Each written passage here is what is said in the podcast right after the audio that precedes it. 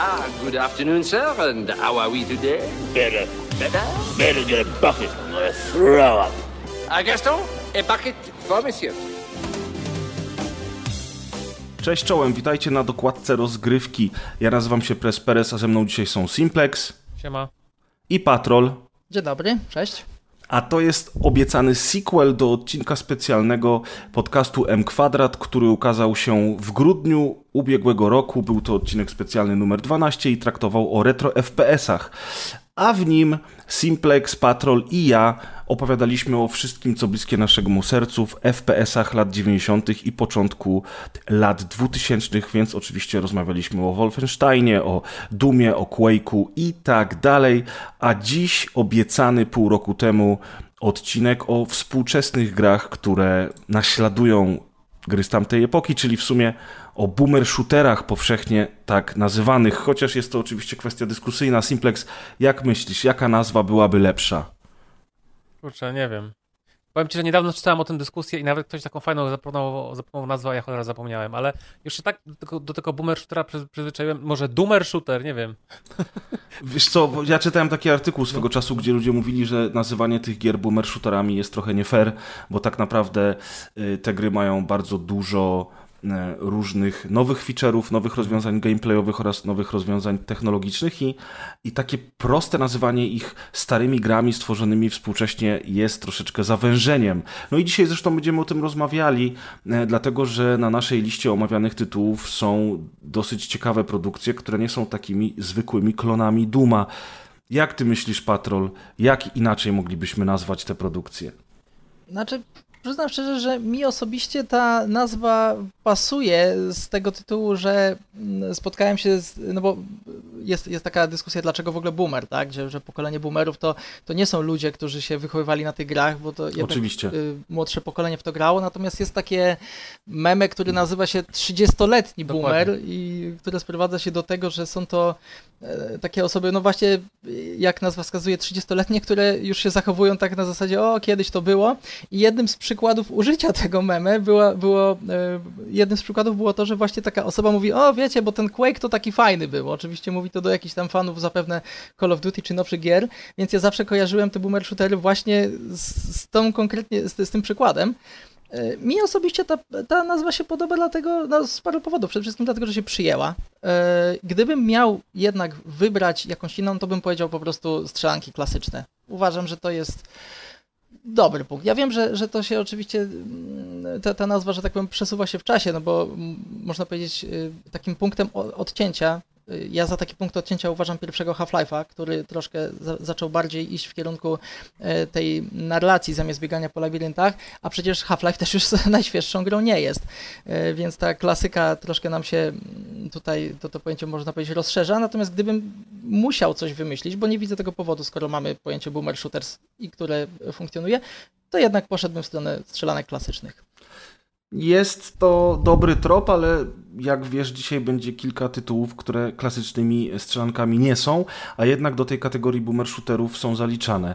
Mi się ten boomer nie, nie tyle kojarzy z osobami starszymi, które narzekają, jak to kiedyś było lepiej, no bo faktycznie termin boomer dotyczy raczej naszych rodziców, pokolenia naszych rodziców, a nie naszego, ale, ale też jakby przyzwyczaiłem się już do niego, rozumiem zarzuty o to, że niekoniecznie jest to dobra nazwa, ale mi ten boomer się po prostu kojarzy z rakietnicą i wybuchami Dokładnie. i w tym momencie boomer shooter jakby jak najbardziej tutaj pasuje.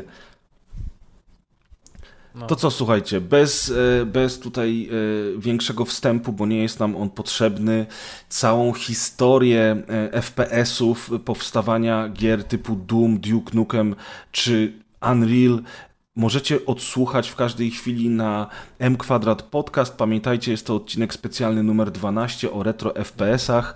Jest to tak naprawdę pierwsza część naszej duologii, a, a drugą część słuchacie właśnie w tym momencie. Mamy tutaj sporo tytułów, postaramy się Was nie zanudzać e, takimi rzeczami typowymi dla recenzji, czyli omawianiem mechanik, czy też technologii, z jaką e, te gry powstawały, chociaż oczywiście o tym wspomnieć trzeba, ale będziemy bardziej myśleć o takich naszych e, uczuciach, które nam e, towarzyszyły podczas ogrywania tych tytułów, o tym, z czym one nam się kojarzą, czy też właśnie dlaczego złapały nas za serce. E, I myślę, że nie będziemy szli w takiej kolejności, jaką mamy na rozpisce, gry Patryka, gry Preza, gry Simplexa, ale raczej po prostu będziemy sobie wybierali różne tytuły. Ja sobie pozwolę poprowadzić tę listę i, e, i po prostu będziemy o tych grach dyskutować. W związku z czym pierwszy tytuł, który dzisiaj e, omówimy, to Ion Fury z listy Patryka, więc przejmuj mikrofon, mój drogi. No to Ja mam od razu pytanie, czy co, to się, co, co się uznaje za taki pierwszy tytuł Protoplasta, pierwsza jaskółka, która zwiastowała nadejście bu- boomer shooterów? Bo mnie się wydaje, że albo Dusk, albo Iron Fury, więc jakby jak... E, no, no tak, ja bym powiedział, że Dusk, ale to Mhm. mogę, możemy porozmawiać o tym teraz, albo możemy później dojść do Dusk. To... Do Dusk, do Dusk przejdziemy jako Mhm. do drugiego tytułu, z tego względu, że Ion Fury jest jednak grą e, w 2,5D, która wykorzy- wykorzystuje sprite'y, em, a Dusk jest już grą w pełnym 3D i rzeczywiście tak naprawdę w kolejności powstawania tych tytułów Dusk powinien być pierwszy. Ion Fury pojawiło się później, ale jeżeli spojrzymy na oba tytuły, to, to rzeczywiście chciałbym tak bardziej w stronę Duma i Duke'a e, ukłonić się na początku, dlatego też Ion Fury idzie na pierwszy ogień. Spoko. Dobrze, więc y, no to zaczynamy z wysokiego C, bo ja, ja powiem wprost. Dla mnie Ion Fury to jest wyznacznik tego, jak te gry się robi. Tak? To jest mój albo gra numer jeden w tej kategorii, albo top 2, bo mam jeszcze jednego kandydata. Natomiast rzeczywiście, jakbym miał komuś jedną grę podać, ja, jako przykład tego, czego ja, tak jak powiedziałem, oczekuję em, od boomer shooterów, to Ion Fury jest tą grą.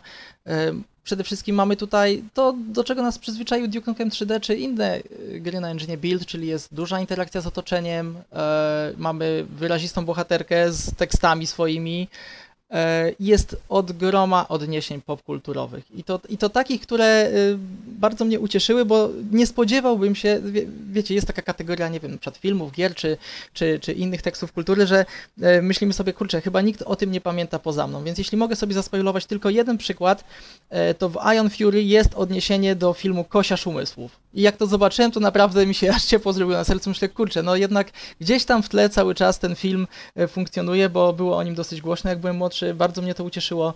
E, Więc tak jak mówię, Ion Fury to jest dla mnie wyznacznik i jeśli mogę tylko jedną wzmiankę techniczną powiedzieć, cała gra, Oczywiście. a nie jest jej mało, została zmieszczona w, w 100 megabajtach. Czyli da się, da się. To naprawdę nie muszą być jakieś gry po parę giga. Można się bawić e, równie dobrze, nawet jak e, te gry są mniejsze. A przy tym to jest gra, która y, jest y, nie tylko kopią klasycznych gier na silniku Build, ale, ale też wnosi dużo nowego. E, Przede wszystkim oczywiście w oprawie graficznej, ale to nikogo nie powinno dziwić. No i e, nie tyle, nie tyle próbuje naśladować poprzedników, co oddaje im hołd, jednocześnie będąc takim produktem, który broni się swoim własnym światem, klimatem, czy też bohaterką, prawda? Mhm. Tak, jak najbardziej. E, No, jeśli idzie o takie różnice w stosunku do tych klasycznych gier na buildzie, to na pewno jest tutaj projekt poziomów. Są bardzo rozbudowane, rozległe.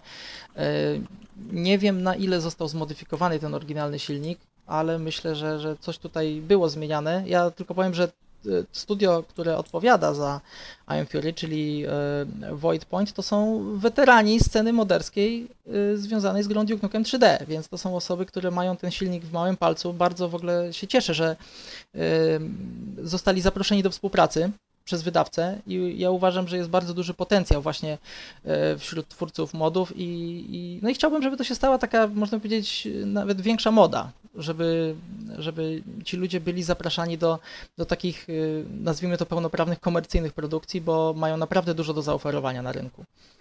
Y, Tworzą teraz sequel, który, który będzie już dużo bardziej zaawansowaną technologicznie grą i która zapowiada się naprawdę dobrze. To jest taki mokry sen mm, fanów, czy też ludzi, którzy oczekiwali na Duke Nukem Forever, którego nigdy w takiej wersji nie dostali, prawda? Oczywiście teraz mamy Duke Nukem Forever Restoration Project, czyli e, moderów próbujących na podstawie odnalezionych plików odtworzyć całą oryginalną grę Duke Nukem Forever, nie, nie tę, która ukazała się oficjalnie e, pod e, logiem Gearbox, ale tę, którą wszyscy zapowiadali jeszcze pod koniec lat 90. No i właśnie to nowe Ion Fury, przypomnijcie mi tytuł, sequela, bo ja szczerze mówiąc nie pamiętam. E, też nie pamiętam. Niestety w tej chwili mi wyleciało z głowy. Phantom szybkie, Fury. Szybkie Phantom Google. Fury. Phantom, Phantom Fury, Fury, tak. dokładnie. I Phantom Fury, e, czyli, czyli druga opowieść o przygodach Shelly Bombshell Harrison.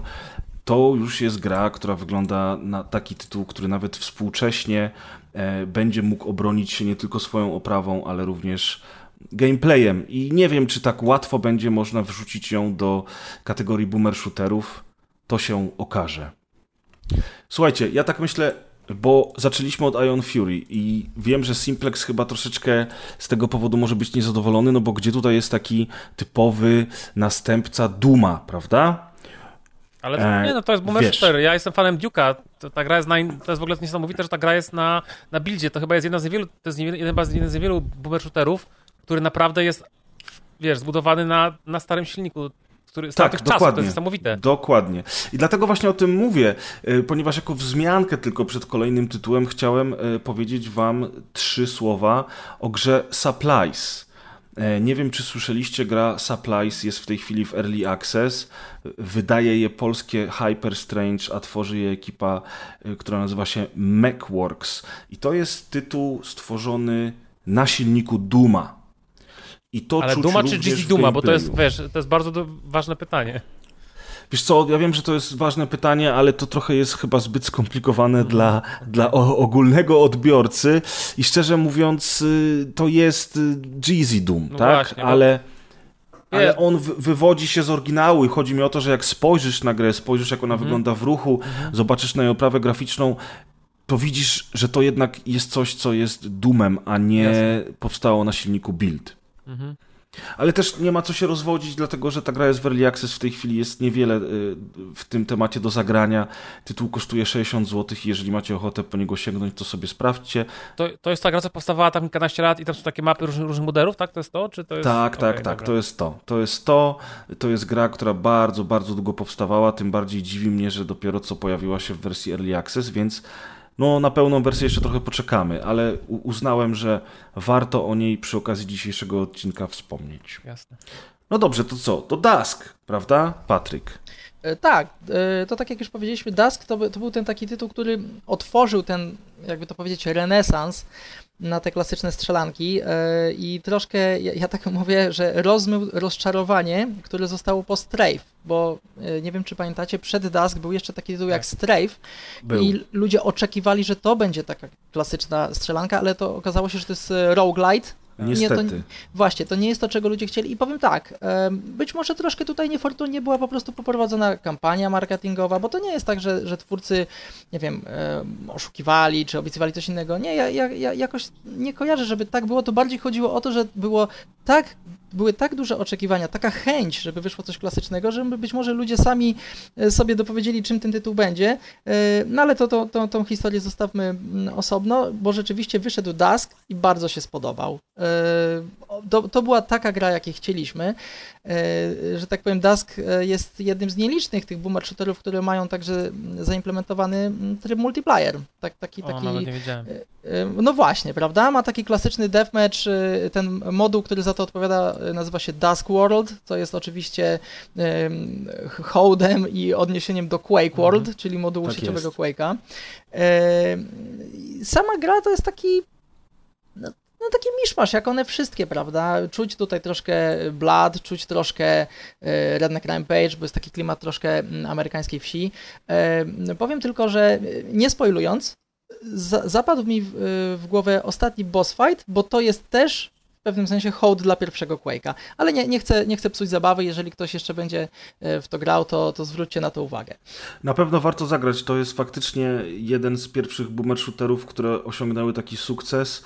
W tej chwili na Steamie po pięciu latach od premiery gra ma przytłaczająco pozytywne recenzje i jest ich ponad 16 tysięcy, praktycznie już 17 tysięcy, a stworzył ją z grubsza jeden człowiek, Dawid Szymański, który oczywiście jakąś tam pomoc miał, ale, ale przy całości dłubał głównie sam. Ty powiedziałeś, y, Patryk, o Redneck Rampage, a tobie Simplex z czym się kojarzy Dusk?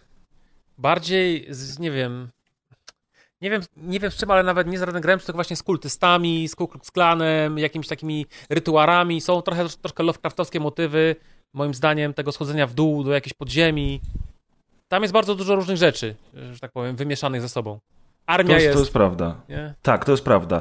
Bo tam, tam trochę, bo gameplayowo tutaj chyba nie ma co siebie oszukiwać. Gameplayowo to jest po prostu troszeczkę urozmaicony Quake, prawda? E, Jeśli mogę uzupełnić, model Mhm. poruszania bardzo przypomina mi Painkillera.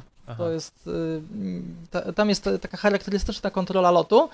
Właśnie też zwróciłem na to uwagę, nie wiem na ile autor z tego czerpał, domyślam się, że nie jest to przypadek, no ale właśnie, no Dusk to jest taki fajny miszmasz zarówno jeśli chodzi o klimat, jak i właśnie te mm, użyte e, elementy samej rozgrywki.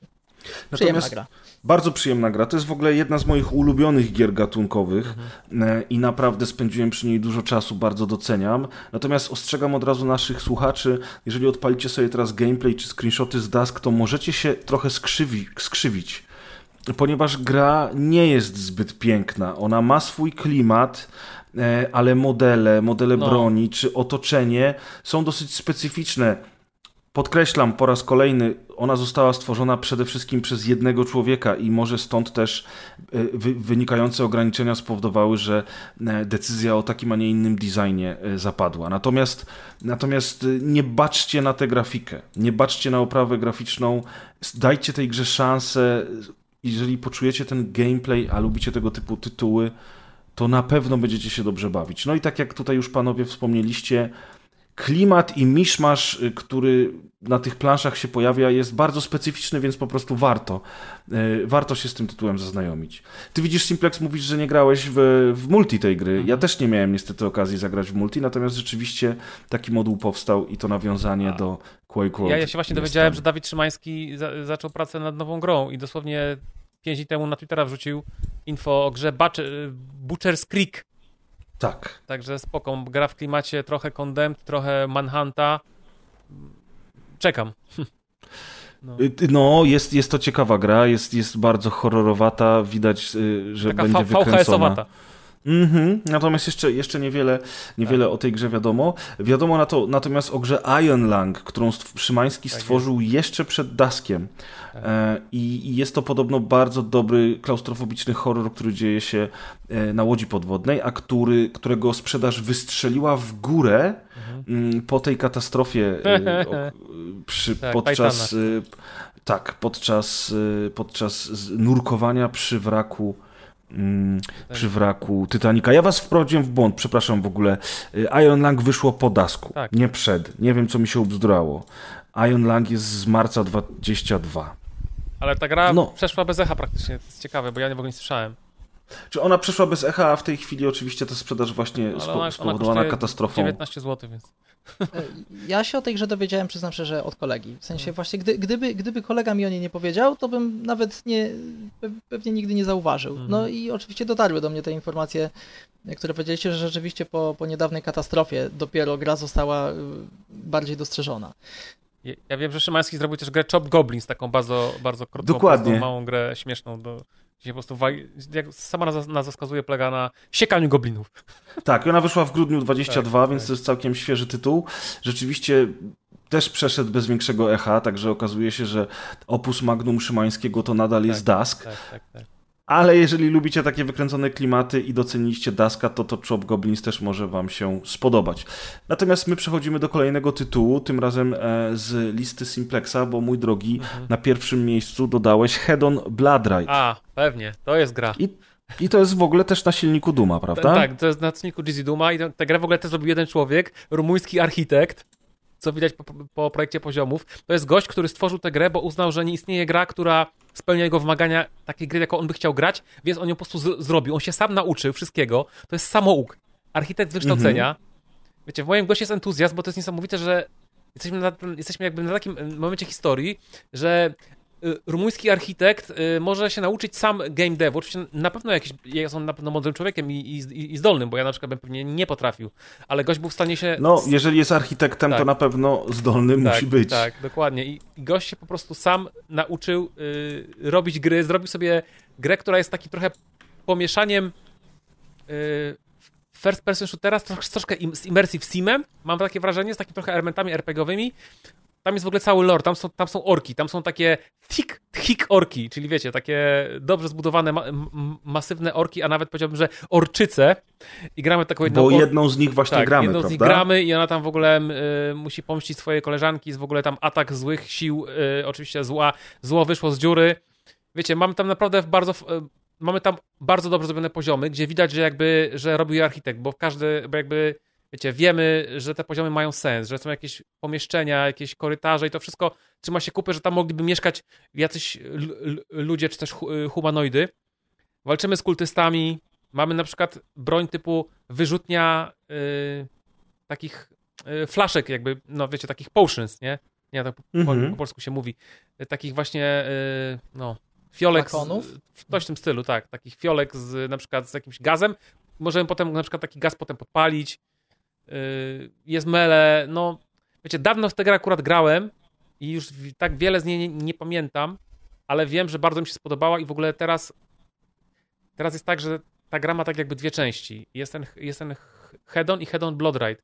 I ten Hedon Blood Ride, co jest ciekawe, został wydany jako patch do, jakby do, do jedynki, coś, coś w rodzaju patcha DLC darmowego, czyli de facto można powiedzieć, że każdy, kto kupił tę grę, pierwszą część tej gry, dostał za, jakby jej sequel za, za darmo. Więc to jest naprawdę warte uwagi. I ja przyznam akurat, że Tak, bo w tym momencie tak naprawdę pod postacią y, Head on Blood Ride są pierwsza i druga część. Tak, dokładnie.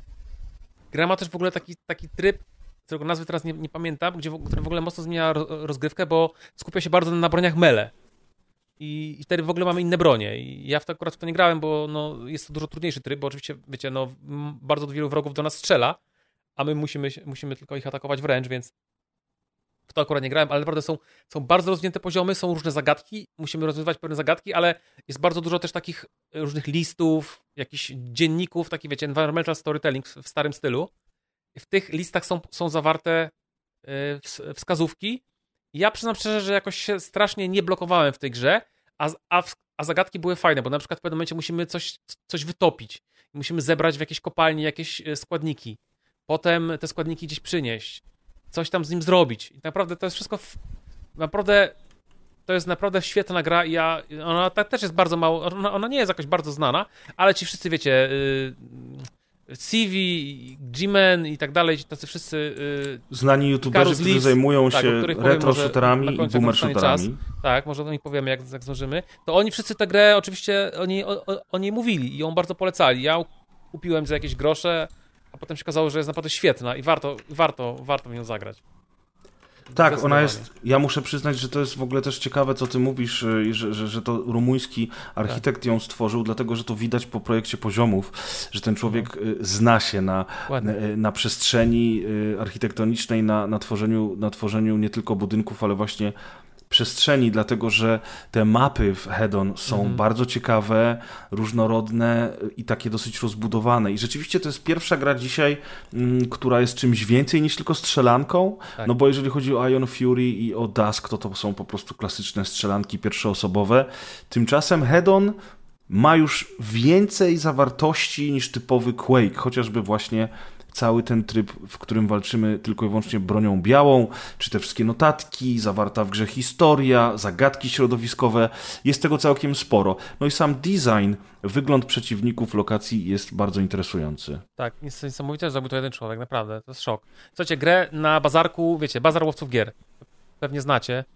Yy, To jest takie miejsce, gdzie można pozbywać się na przykład z kluczy z bundli zdublowanych. To nie jest jakiś, wiecie, taki lewy, le, lewe targowisko kradzionych Mhm. kluczy, tylko tam ludzie po prostu, z, zwykli gracze, którzy kupują sobie bundle i nie chcą wszystkich gier z bundli dla siebie, to je sprzedają. I na przykład taki Head on Blood Ride na tym bazarze kosztuje 10 zł, nie? Bo był w jakimś bundlu first person shooters, boomer shooters i po prostu przez to teraz jest do kupienia.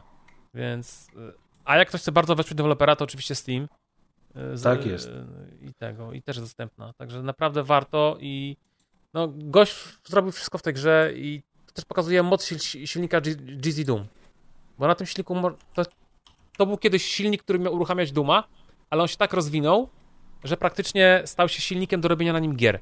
Dokładnie. W pewnym momencie chyba nawet pozwolił w końcu, jakaś tam się licencja zmieniła, że można było tworzyć komercyjne gry na tym silniku. I na przykład yy, Sulako jest taką grą, ale nie będziemy o niej mówić, ale generalnie naprawdę... Czy warto o niej wspomnieć? Ta Tak. gra powstaje cały czas i zapowiada się na jedną z ciekawszych tego typu produkcji. Jak chcecie zobaczyć, jak, jakie cuda można wyciągnąć z tego silnika GZ Doom, to niech zobaczy sobie grę z y, Selaco, z S-E-L-A-C-O. Także też polecamy. To też będzie Tak, gra, tak. już nie mogę się Było, doczekać. było demo, y, ono nie jest dostępne ogólnie, ale pojawia się podczas Steam Next Festival, więc Mhm. warto, warto po to sięgnąć. No i właśnie ty fajnie, przepraszam, kłamie, to demo jest dostępne cały Jeszcze czas. niedawno było zaktualizowane. No proszę, czyli Tak. Selako przez C na Steamie, sprawdźcie nawet teraz, zróbcie sobie przerwę w słuchaniu, Dokładnie. odpalcie tę grę, bo to jest tak dobra gra, my wszyscy na nią czekamy. Fantazja. 1 E. lipca była, było, była aktualizacja dema. No proszę, czyli, czyli jakieś tam świeżynki się pojawiły. No i fajnie powiedziałeś, że e, GZ Doom to był silnik, który powstał do tego, żeby w, w, miarę świeżych warunkach e, z nowinkami e, różnymi, które miały nam ułatwiać zabawę, odpalać Duma oraz mody do Duma. Tak. Tymczasem rzeczywiście zmienił się w silnik, na którym powstają gry, chociażby wspomniane przeze mnie wcześniej Supplies czy Selako. Tak, Także A dzięki temu, Zobaczcie. dzięki temu mogą mnie youtuberzy e, triggerować, którzy bajtują, wiecie, filmiki, że zobaczcie, co wyciągnięto z silnika Doom. Niesamowite. Tylko, że nie. Tylko, że nie jest to silnik Doom. Dokładnie. Ale faktycznie to jest trochę tak, że wiesz, ja rozumiem różnicę, ale i tak jak myślę o tego typu produkcjach, to myślę, że to jest kolejna odsłona Duma, tak? Czy, Jasne. Czy wiesz, że- to nie jest mod, ale to, to mi się bardzo z tym Doomem kojarzy i pierwsze co mi przychodzi do głowy to jest Doom. Dopiero potem po chwili namysłu, czy Tylko po twojej mi po podpowiedzi. tylko o to, że może to jest jakieś, jest jakieś moje, y, nie wiem, OCD, czepianie się, ale jakby nie chcę, żeby ktoś myślał, że rzeczywiście silnik Duma był taki niesamowity w ogóle z przyszłości i zaawansowany, że umożliwiał nagle wydawanie takich gier. No nie. Nie, no oczywiście, absolutnie znaczy, nie. tak jak mówiliśmy, y, tak jak mówiliśmy na odcinku specjalnym numer 12 na twoim podcaście, Tak. że jednak y, było bardzo dużo bardzo zdolnych moderów, którzy dzięki temu, że id Software pozwoliło im na to, byli w stanie wycisnąć z Duma naprawdę niesamowite rzeczy. Ale to było lata temu, w międzyczasie to wszystko ewoluowało. No Tak. i współczesne dzisiejsze produkcje, które gdzieś tam bazują na Dumie, no raczej właśnie bazują na Jeezy Dumie. No, Nikt chodzi tak, nawet mapy No. do Duma, nawet mapa Sigil, tak, którą zrobił Romero, nie pójdzie bez y, jakby kombinacji na Duma. oryginalnym Du- Dumie. Musi, musi, tak, ona, ona, ona nie pójdzie na tym si- silniku Duma oryginalnym, tylko trzeba, ale, ale to się odpalił, tylko, tylko musiał tam coś tam, musiał użyć takiej opcji limiter moving, ale już nie wchodźmy w, w szczegóły. Nieważne, Oczywiście, nie będziemy wchodzili w szczegóły. Ch- Chciałbym coś e, powiedzieć, bo jeśli dobrze słyszałem, Simplex na samym początku em, o tej grze powiedziałeś e, jako Sulako, natomiast Selako. jest Selako, a nie, Selako. ale to nie jest em, oczywiście Przypadek. te, też przypadek, bo Sulako jest e, okrętem kosmicznym, który mogliśmy widzieć w filmie Obcy w drugiej Tak, części. który znowuż jest pamiętam. nawiązaniem do, do, Do- pro- prozy Korzeniowskiego, czyli Tak tak, jest. Konrada. Więc bo, bo Tak jak jest. widać ten gatunek, to y, nawet tytuły, cokolwiek, na cokolwiek spojrzymy, to jest zwykle odniesienie do czegoś. Ja to bardzo lubię osobiście. No i jeszcze, jeszcze do, do niedawna w ogóle data premiery Salako to była, to był rok chyba 2555 czy jakoś tak. Też jakieś takie nawiązanie. Mhm. Y, y, ale teraz mi, teraz data jest, to jest 30 grudnia 2022, czyli przypuszczam, że to, to też jest taka data placeholderowa, bo, bo wątpię, żeby gra wyszła 30 grudnia. 2022 zresztą już nie. mamy za sobą. Tak, że to pomyliło mi się. To była, to, to jest aktualizacja jakiś tam, aktu, ostatnia aktualizacja jakiś tam paczek. To przepraszam. Gra ma datę premiery coming soon. No, więc na pewno jeszcze trochę poczekamy, ale na pewno warto czekać. Simplex, jesteśmy dalej troszeczkę w, w grach, które przypominają nam Duma. Jak ja Mhm. widzę te tytuły, to widzę, że to jest Doom. E, I jeszcze jedną grę tego typu chciałbym, żebyś szybko nam tutaj No. e, przytoczył. Y, Opowiedział o niej kilka słów. Chodzi mi oczywiście o Visera Fest. Tak, Viscera Fest to jest bardzo dum. To jest gra, która ma taką bardzo kolorową, wydawałoby się, że prostą grafikę, dziwną historię o tym, że jakaś taka y, kosmiczna, nie wiem, free- freelancerka, bounty hunter, y, musi uratować tego chłopaka, który wygląda, który jest takim dziwnym obcym. No w ogóle to są takie prze- przedziwne y, arty z tej gry, bo ten obcy wygląda tak naprawdę odrażająco, ale chodzi o to, że gra jest bardzo szybka, bardzo skillowa i, i po prostu pędzimy przed ciebie i bardzo łatwo zginąć. Jesteśmy takim glass cannon. Bardzo łatwo nas zabić, więc poziom trudności tej gry jest naprawdę wysoki mamy bardzo mało, ba- bardzo mało amunicji, więc jakby każdy strzał się liczy, każdy pocisk jest na wagę złota i po prostu gra polega, to jest takie trochę hotline, ale mi się momentami kojarzy z Hotline Miami. Musimy wejść na planszę i wiedzieć dokładnie, gdzie są wrogowie i ich zli- zlikwidować, zanim oni zdążą nas zlikwidować. I, I ja przeszedłem cały pierwszy epizod, bo ona jest chyba dalej e, w Early Accessie, ale jest na szczęście na bieżąco e, e, aktualizowana. Klimat jest generalnie science fiction, my w, w Ta już gra już wyszła w pełnej wersji. Tak? O, to przepraszam, Tak. dzięki. To dobrze. To znaczy, że będę mógł do niej wrócić, bo ja czekałem na to. I na przykład powiem wam, że jest trudna, ale jest bardzo duża satysfakcja z tego, jak się tego ogarnie. Jest troszkę skakania po platformach, unikania jakichś tam laserów. Jest walka z bossem, która jest... Ja, ja tę walkę musiałem powtórzyć kilkadziesiąt razy. I na początku to się wydaje w ogóle prawie, to się wydaje prawie, że niemożliwe, żeby tego, tego bossa pokonać. A potem, jak już się uczymy jego ataków i wiemy, jakby to mam mega satysfakcję, że udało się naprawdę podnieść sobie skilla w trakcie tej walki z bossem i rzeczywiście dojść od. Ten boss jest, ten boss jest niemożliwy do pokonania, do e, bossa, bossa rozwala. Mhm. I naprawdę e, nie grałem w dalsze epizody, ale i tam mieli w ogóle dodać też jakiś system rozwoju postaci, jakieś upgrade'y. Naprawdę ta gra jest świetna. Jak ktoś poczy... to, jest, ona, jest, ona jest taka, to jest taki arenowy shooter. Jest bardzo szybka, bezwzględna, bardzo szybko giniemy, bardzo, amunicji i musimy po prostu być cały czas skupieni. Refleks, celność. Tak. Jakby nie, nie grałbym w tę grę w ogóle padem, absolutnie nie, chyba że ma jakiegoś super auto aima. Ale tak, bardzo polecam tę grę, na, na, naprawdę. Tak, ma bardzo super skillowy muzykę. Shooter. I ma super muzykę.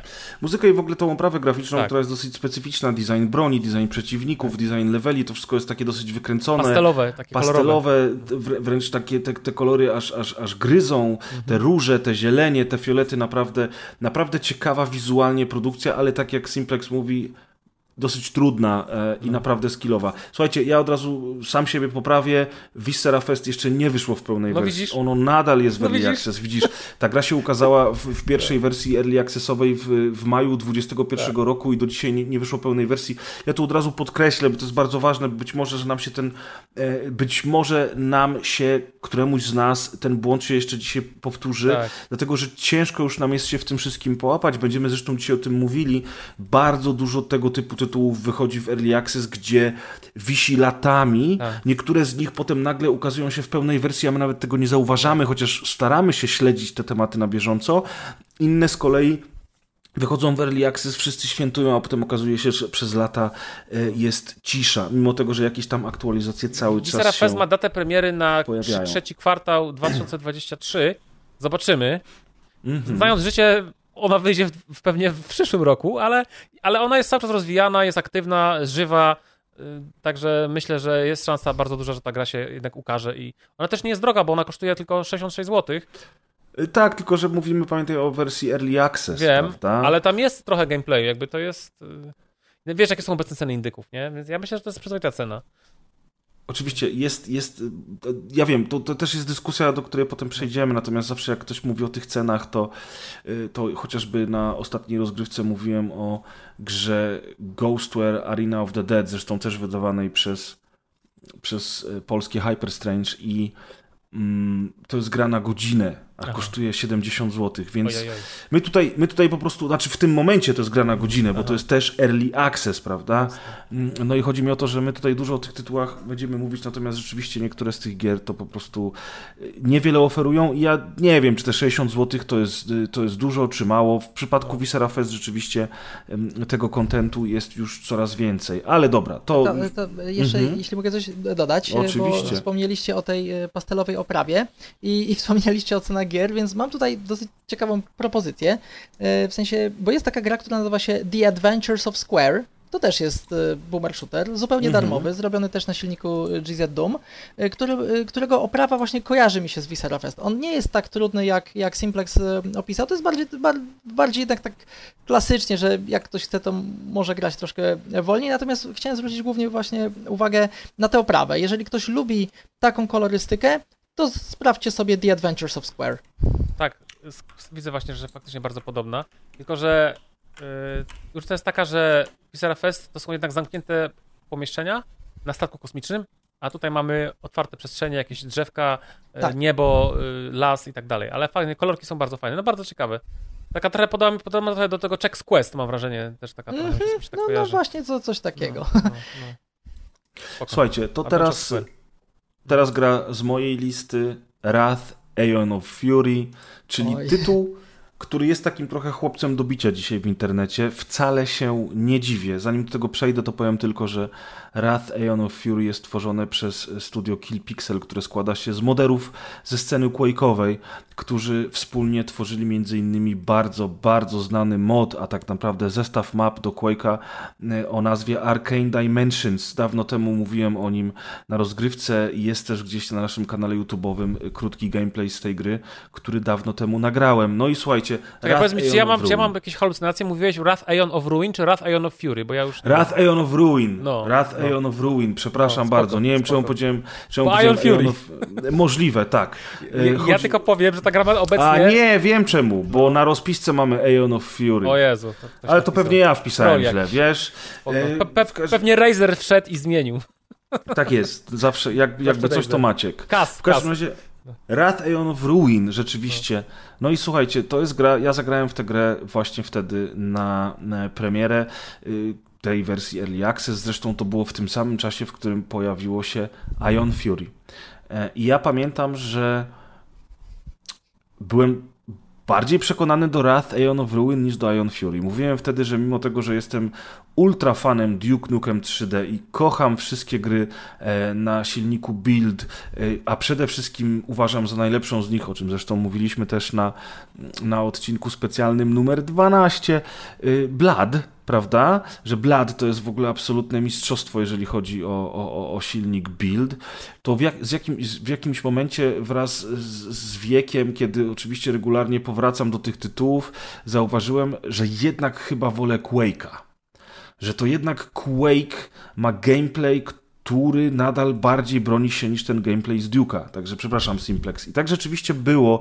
Ja do dzisiaj tak uważam, że faktycznie, że faktycznie Quake się mniej postarzał. Dlatego też Wrath, Aeon of Ruin bardzo mi przypadł do gustu. To był Quake w nowej oprawie, y, to były bronie z Quake'a, y, przeciwnicy z Quake'a i trochę z Duma, ale, ale w innym klimacie, w takim jakimś dziwnym fantazy pomieszanym ze science fiction, z bardzo, bardzo ładną oprawą audiowizualną, oczywiście na silniku e, Quake 1.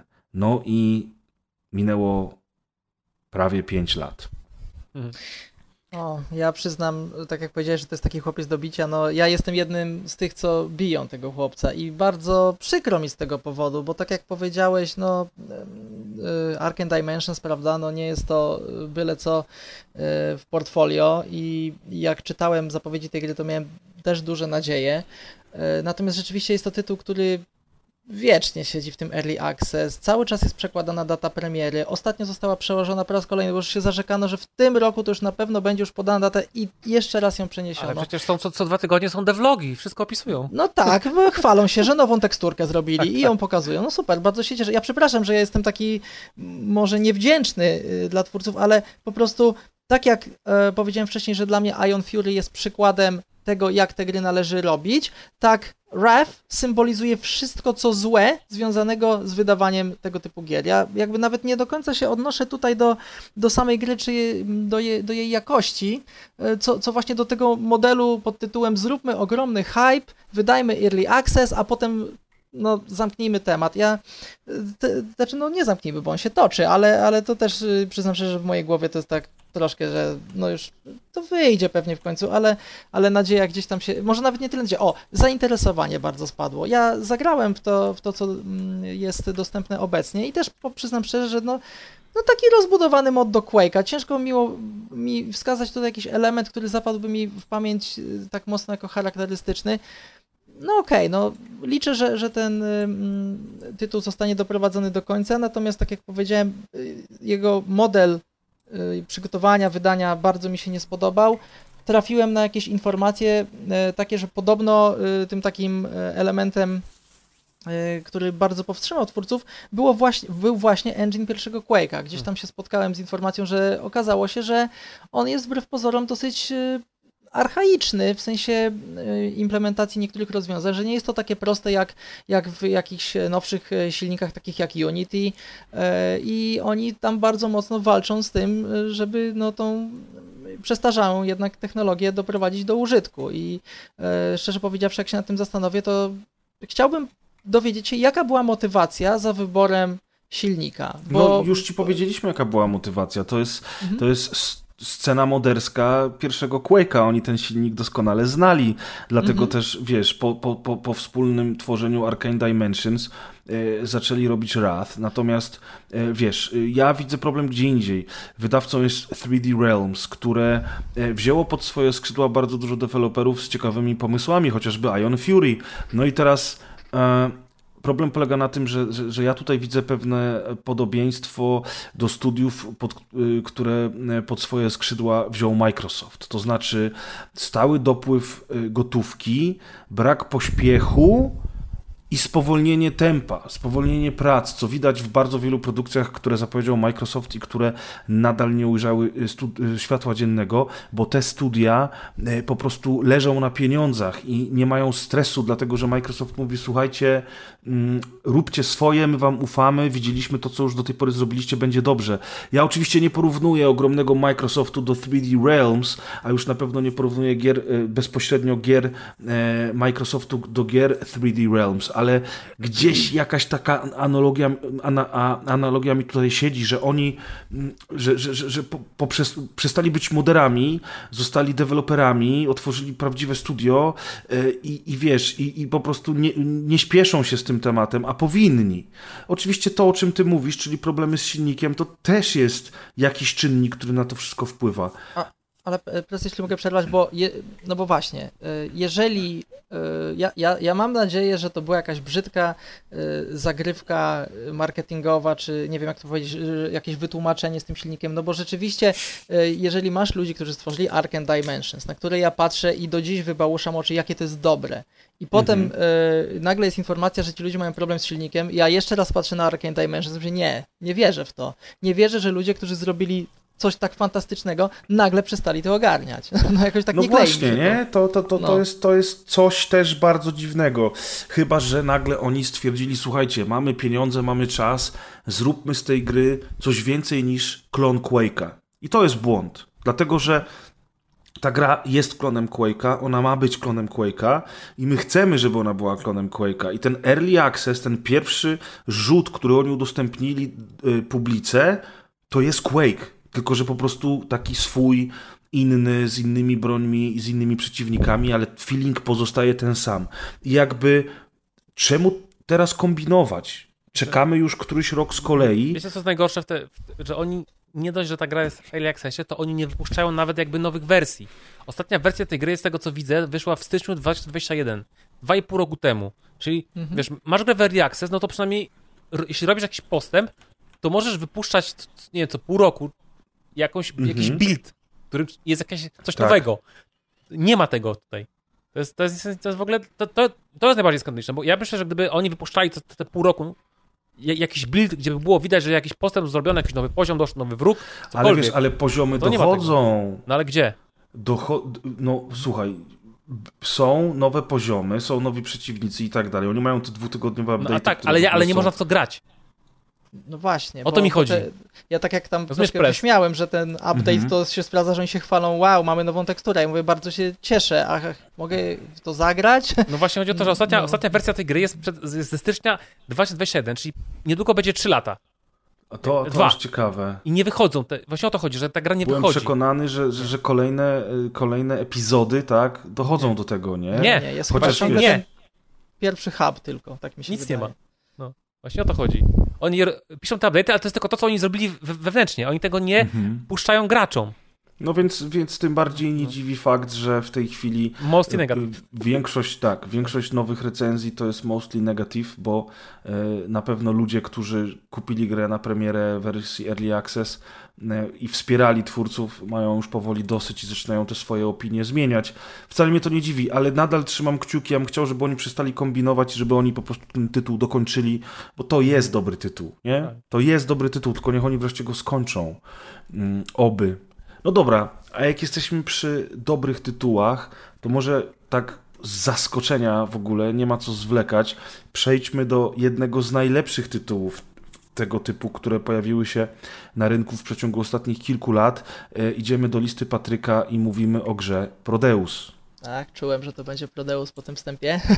e, tak, Prodeus, no słuchajcie, Prodeus jest taką grą, że ja się w pewnym momencie e, bałem otworzyć lodówkę, e, jak była rozmowa o, o gatunku, bo zewsząd słyszałem od osób, które nawet, e, których bym nie kojarzył, e, że, że lubią grę, mówią, słuchaj Patryk, musisz zagrać w Prodeus, musisz zagrać w Prodeus. I tak próbowałem dociekać, dlaczego, tak, e, jakąś argumentację usłyszeć i zdarzało się, że tak od słowa do słowa wychodziło, że niestety Prodeus był po prostu jedyną grą z gatunku boomer shooter, z którą te osoby miały styczność. Grą oczywiście e, jak najbardziej robiącą dobre wrażenie. Natomiast chodzi o to, że on był w tym Game Passie i to po, po, pokazuje też niejako potęgę tej, tej subskrypcji, że właśnie dzięki temu, że ta gra w tym Game Passie była, ludzie mogli to sprawdzić, e, zobaczyć, e, po pozytywne wrażenie zostało wywarte i przekazywali te informacje dalej. Tak, i przekonać się o tym, że, że ten gatunek szeroko rozumianych boomer shooterów ma jednak dużo do zaoferowania współczesnym graczom. Nie tylko starym dziadom, którzy tęsknią za Quake'iem. Zgadza się. E, Znaczy, to, to ja powiem tak, e, być może kontrowersyjnie. Prodeus robi absolutnie fenomenalne pierwsze wrażenie. To jest coś niesamowitego. Jak go włączyłem, super. Jakbym miał określić go tak jednym e, jakimś e, pojęciem, to bym powiedział, że to jest taki remake Duma z 2016 roku, co jest oczywiście bardzo pozytywne, bo to przecież jest świetna gra. I Prodeus daje nam e, więcej takiego klimatu, takich treści. I to pierwsze wrażenie jest ekstra, ale jestem w stanie pokazać dokładnie, w którym momencie to siada. Jest, jest w, tym, mm, w tej grze taki moment, że zaczynają się takie w cudzysłowie niebieskie potwory. E, Ci, co grali, zapewne wiedzą. I to jest moment, w którym dla mnie to zaczęło siadać. Zaczęło się robić mocno powtarzalnie, jakieś takie, zacząłem odczuwać znużenie. Pod koniec tej gry już na siłę ją kończyłem. Chciałem po prostu ją skończyć i być może, no, przepraszam za mały spoiler, nie ma fajnego boss fightu na końcu. Ja nie wiem, czy tam w ogóle jest jakiś boss fight, tam chyba jest jakiś jeden mocniejszy stworek, Jest, ale, jest. ale on się tak wtapia w tło z tą całą resztą, że ja go chyba zabiłem jakoś po prostu na odlew, nie zwróciłem uwagi, że tam jest ktoś mocniejszy i, i moje wrażenie było takie właśnie, że zaraz, i to jest koniec. Potem, bo ja akurat nagrywałem tą rozgrywkę, potem sobie obejrzałem jeszcze raz, nie no, ktoś tu był taki silniejszy, ale ale, ale mówię, no to tak nie powinno tak wyglądać, boss powinien jednak zostać w pamięci. Yy, Natomiast, żeby nie było, że, że, że tylko złe rzeczy mam do powiedzenia o tej grze, bardzo podobały mi się bronie, czyli to, co jest tak naprawdę najważniejsze. I nie pamiętam, jak dokładnie nazywa się Railgun w tej grze, ale jak będziecie grali w Prodeusa, sprawdźcie sobie Railguna. Uwielbiam dźwięk, dźwięk wystrzału z tej broni. Jest- To jest coś fantastycznego. Podoba mi się, że, yy, że przyłożono wagę do takiego detalu. To jest naprawdę fajna sprawa. Podobał mi się taki jakby w cudzysłowie sklepik z broniami, gdzie tam musimy gdzieś między etapami, e- etapami sobie wchodzić i odkrywać yy, yy, te, te kolejne givery. Yy, Ogólnie rzecz biorąc, polecam. Po prostu być może na fali tych wszystkich zachwytów, które słyszałem zanim zagrałem, troszkę zbyt sobie mm, oczekiwania wyśrubowałem. Yy, Natomiast yy, jak najbardziej warto ten tytuł sprawdzić. Jeżeli lubicie gatunek, to, to zdecydowanie. Znaczy ja się zgadzam z tym, że gdzieś tam w połowie gry y, gameplay trochę siada. Robi się zbyt powtarzalnie, zaczyna się robić coraz więcej takich malutkich y, kill roomów, w których po prostu musimy siekać się z tymi przeciwnikami, aż wszyscy nie padną. Natomiast y, uważam jednocześnie, że to jest jeden z najlepszych, jeżeli nie najlepszy tytuł na naszej liście i mm, wynika to z bardzo wielu względów. Y, Oprawa graficzna, design, to wszystko, jak to jest stworzone, jak to jest ładnie ze sobą Mam połączone. pytanko. Wolicie wrogów 2D czy 3D? Bo ja chyba właśnie- 2D. No właśnie Dobre chciałem pytanie. do tego przejść teraz, że, że właśnie ta oprawa y, w pełnym 3D, ale z takim charakterystycznym pikselowym sznytem, a, a do tego przeciwnicy w formie sprite'ów, których możemy przełączać w pełne 3D i w, dzięki temu tak naprawdę oni wyglądają zupełnie inaczej e, i, i można tę grę sobie w każdej chwili przełączać między właśnie sprite'ami a, a 3D, żeby, żeby, żeby sobie ją urozmaicać. Zwłaszcza, że jakby nie było, to jest po prostu shooter, w którym brniemy do przodu, rozwalamy kolejne zastępy przeciwników i dużo więcej, jeżeli chodzi o gameplay, to ta gra nie oferuje, ale to rozwalanie tych przeciwników, ta krwistość, te bronie, o których już wspomniał Patryk, ale przede wszystkim różnorodność tych broni i różne tryby działania tych broni, to jest coś, co, co sprawia, że, że ten prosty gameplay i prosta formuła brni do przodu bronią się w tym, jak naprawdę ciekawie są rozwiązane. No i Jucha tam jest fajna, nie? Tak, Tak. tak, no zdecydowanie. To w końcu 3D czy sprite? Co wolicie? E, Ja przyznam, że znaczy w ogóle fajnie było usłyszeć, że powiedzieliście, że można to przełączać, bo ja dokładnie to robiłem jak grałem w Prodeus, że przełączałem sobie raz to, raz tamto i tak e, nie mogłem się zdecydować. Myślę, kurczę, bo to nawet ciężko mi było powiedzieć, co jest lepsze, one były po prostu troszkę inne miałem e, doznania grając przeciwko sprite'om czy przeciwko modelom. Jeśli idzie o Prodeus, konkretnie Prodeus, to powiem, że wolę sprite'y, chyba ostatecznie wolę sprite'y. Ja Natomiast jeśli idzie o te, te shooterki ogólnie, no to też zależy o której mówimy, że tak powiem, erze, bo sprite'y moim zdaniem dużo y, bardziej dostojnie się starzeją niż modele. Wczesne 3D wygląda moim Tak, zdaniem oczywiście, paskudnie. oczywiście. Sprite'y, y, y, na przykład z Duma, cały czas mi się podobają. Ja pamiętam, ktoś próbował zrobić takie potwory 3D w Dumie i to tak koszmarnie wyglądało. No, ale Tak, jest, teraz, jest teraz Voxel Tak, właśnie. Doom i Tak. jest genialny. Tak, to jest, tak, słuchajcie, mod Oczywiście. do Duma jednego, teraz y, na dniach wychodzi, czy też już wyszedł mod do Duma drugiego i y, Voxel mod po prostu przekształca wszystkie obiekty na mapie i przeciwników y, w trójwymiarowe obiekty zrobione voxelami. Wygląda to świetnie, wpiszcie sobie w Google Voxel Doom, zobaczcie sami. Tak. Ja powiem, że również dla mnie w Prodeus sprite'y prezentują się lepiej niż, y, niż te modele 3D. One już w dniu premiery wyglądały na przestarzałe, jakby względem całej reszty oprawy graficznej tej gry. Widać trochę, że te modele 3D zostały dorzucone na koniec. Można z nimi grać, ja też się często przełączałem, ale jednak te sprite'y w tej grze, w tej krwawej, pięknie oświetlonej, bardzo dynamicznej, pełnej cząsteczek grze, te sprite'y po prostu wyglądają lepiej. One mają swój klimat, tu wszystko do siebie pasuje. No i poza samym niesamowicie miodnym gameplayem i tą bardzo ciekawą oprawą graficzną warto wspomnieć, że Prodeus oferuje również czteroosobową kampanię kooperacyjną, oferuje klasyczny tryb multiplayer, gdzie gramy przeciwko sobie, a także edytor map. I to wszystko sprawia, że ta gra, która owszem również pokazała się w Early Access na początku, ale potem pojawiła się w pełnej wersji, to niezależnie od tego, czy sięgaliśmy po nią w Game Passie, czy ją zakupiliśmy, a uważam, że warto ją zakupić, żeby twórców wesprzeć, po prostu miała strasznie dużo do zaoferowania. Naprawdę dużo. I, i, i ona z tego względu zasługuje na wielkie brawa. Tak, Mhm, zdecydowanie. No, Simplex tylko tak, mhm, mhm. No, ja się Nie zgadzasz zgadzam. się? Czy się Ja nudzisz? Nie, no, ja, się, nie ja, się, ja po prostu potwierdzam Okej, wszystko to, co, co mówicie. to się Jak cieszymy. najbardziej. Super, że takie gry powstają. I mam nadzieję, że ten deweloper, który ma fajną nazwę Bounding Box, y, że wyda, wyda jakąś kolejną grę. No oby, bo to była w ogóle ich debiutancka Tak, produkcja, to co jest bardzo ciekawe. Patryk, coś jeszcze o Prodeusie?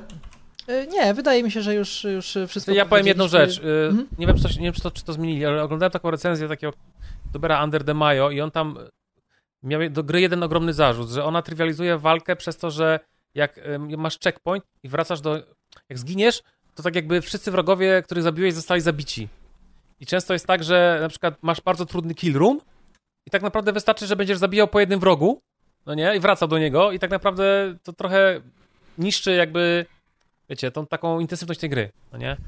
Tylko tam jest bardzo, bardzo wiele poziomów trudności. Można sobie to Okej. ustawić, nie? No tak, ale to jest dla mnie trochę głupie moim zdaniem, że rzeczywiście, że on powiedział, że to czasami jest tak, że na przykład jest checkpoint, jest na przykład punkt re- respawnu gdzieś daleko, Mhm. gdzie już zabiłeś wszystkich wrogów i to tak, giniesz na, na trudnej walce z wrogami, respawnujesz się, przebiegasz pięć pokoi, gdzie nikogo nie ma, bo wszystkich zabiłeś, no nie? I dochodzisz dopiero tam, gdzie, gdzie, gdzie jest walka, nie? I to trochę dziwne, to tak, to, trochę to tak, tak to, chyba, że to może, może to już się zmieniło, być może deweloper tego jakby, nie wiem, Y, Jak ja grałem, a grałem dłuższy No. czas po premierze, to jeszcze to było, to, okej, co opowiadasz. no właśnie, to szkoda, bo to jest akurat Taka prosta rzecz wydawałoby się, co, naprawdę łatwo można by załatwić po prostu lepszymi checkpointami, no nie? Albo, albo faktycznie tym, że jak zginiesz, to tak jakby cofać się do pewnego momentu i ci wrogowie y, się odradzają, no nie? A nie, że wiesz, giniesz i... No, no, brzmi to jak rozwiązanie problemu, na który nikt nie narzekał. No ale właśnie ktoś narzekał. Y, Znaczy, w sensie ludzie narzekali, że jak giną, pojawiają się i muszą jeszcze raz walczyć w tych grach? Nie, chodzi o to, że jak giniesz, nie, chodzi o to, że jak masz trudny kill room i w Mhm. nim zginiesz, No. to gra trywializuje ten kill room, bo ty wiesz, No że już wszyscy wrogowie, zginę, y, których zabiłeś, już, już nie żyją. I właśnie o to mi chodzi, że to, to, co zastosowano w Prodeus, to wygląda jakby twórcy próbowali rozwiązać problem, który nim de facto No nie właśnie, był. ni- dokładnie, o, No tak. bo nikomu nigdy nie, Tak. nie wadziło, że musi jeszcze raz Dokładnie. strzelać. No o to chodzi w tych grach. A Dokładnie. oni stwierdzili, zabijemy wszystkich. No i tak Tak. patrzysz i myślisz, ale Dlaczego? dlaczego? Ja się Dokładnie. dobrze bawiłem, ja nie No. ma problemu, mogę zginąć, mogę ich zabijać jeszcze raz. Dokładnie, dokładnie. No więc no. mówię, rozwiązanie problemu, który de facto nie był problemem. A de, facto, a de facto stworzyli sami problem nowy, nie? Dokładnie. No dziwne, no dziwne. Ale mimo to gra jest świetna. Ale, ale idźmy dalej.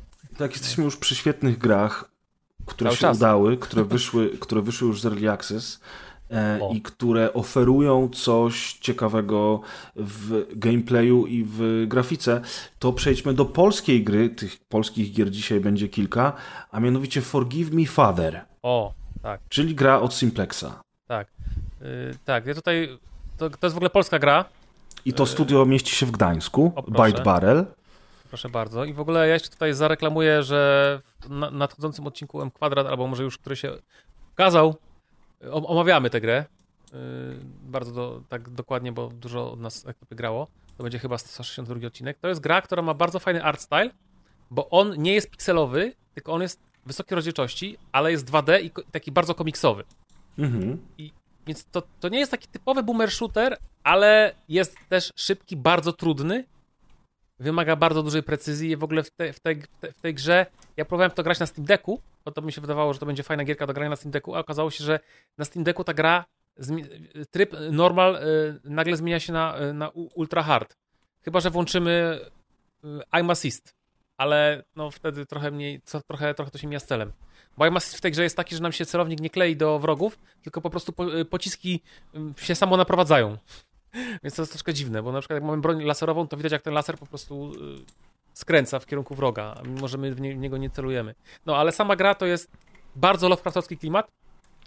Dosłownie. Tak, To jest, to jest praktycznie umaczane w Lovecraftie. Tak, tak, tam oczywiście, to są przez cały klimacik Kultyści, potworusy, tak, lu, ludzie ryby, reanimowane zwłoki i wielcy, ogromni bossowie. macki, macki i, i tak dalej, tak, tak. Wszystko to jest, to, to tam jest, jest bardzo dużo y, przeciwników, bardzo zróżnicowane poziomy, bo tych, ta gra jest naprawdę długa, na ponad 10 godzin, jest dużo poziomów o bardzo zróżnicowanych y, biomach i Mhm. jakby scho- schodzimy coraz bardziej w, w paszczę szaleństwa. O takich normalnych poziomów, jakieś tam miasto, jakieś budynki, jakaś Cmentarz. wieś, no. Mhm. E, I z tego co widziałem, i jest to bardzo pozytywne, y, powstaje druga część. Tak, tak, tak. Tak, powstaje druga część i To bardzo super. się z tego powodu cieszę. Ta oprawa komiksowa, te, ci przeciwnicy w 2D wyglądający jak e, ruchome obrazki właśnie z komiksu, nie jak takie typowe sprite'y z Duma, ale ruchome obrazki z komiksu, różnorodne bronie, bardzo dynamiczny gameplay i otoczenie w pełnym 3D z bardzo, bardzo dobrym i klimatycznym oświetleniem. Tak. Tak, to wszystko powoduje, że ta gra jest jedną z ciekawszych gier na dzisiejszej liście, dlatego że ona z jednej strony jest dosyć sztampowym shooterem, chociaż ma pewne notatki, odkrywanie fabuły, jakieś dodatkowe elementy typu, typu fajka czy inny miecz, które czasami używamy, żeby dodać sobie jakiegoś boosta, ale tak naprawdę nie wykracza to jakoś bardzo poza, mm, poza sztandarowe. na, najbardziej niesztampową, moim zdaniem, elementem tej gry jest to, że możemy upgrade'ować bronię jakby w dwie ścieżki. Możemy albo upgrade'ować Tak, broń klasycznie, po, po, poprawiać jej parametry, albo ją jakby transformować w taką broń, broń love, Lovecraftowską, taką jakąś Mhm. zmutowaną, dziwną broń i to jest świetne.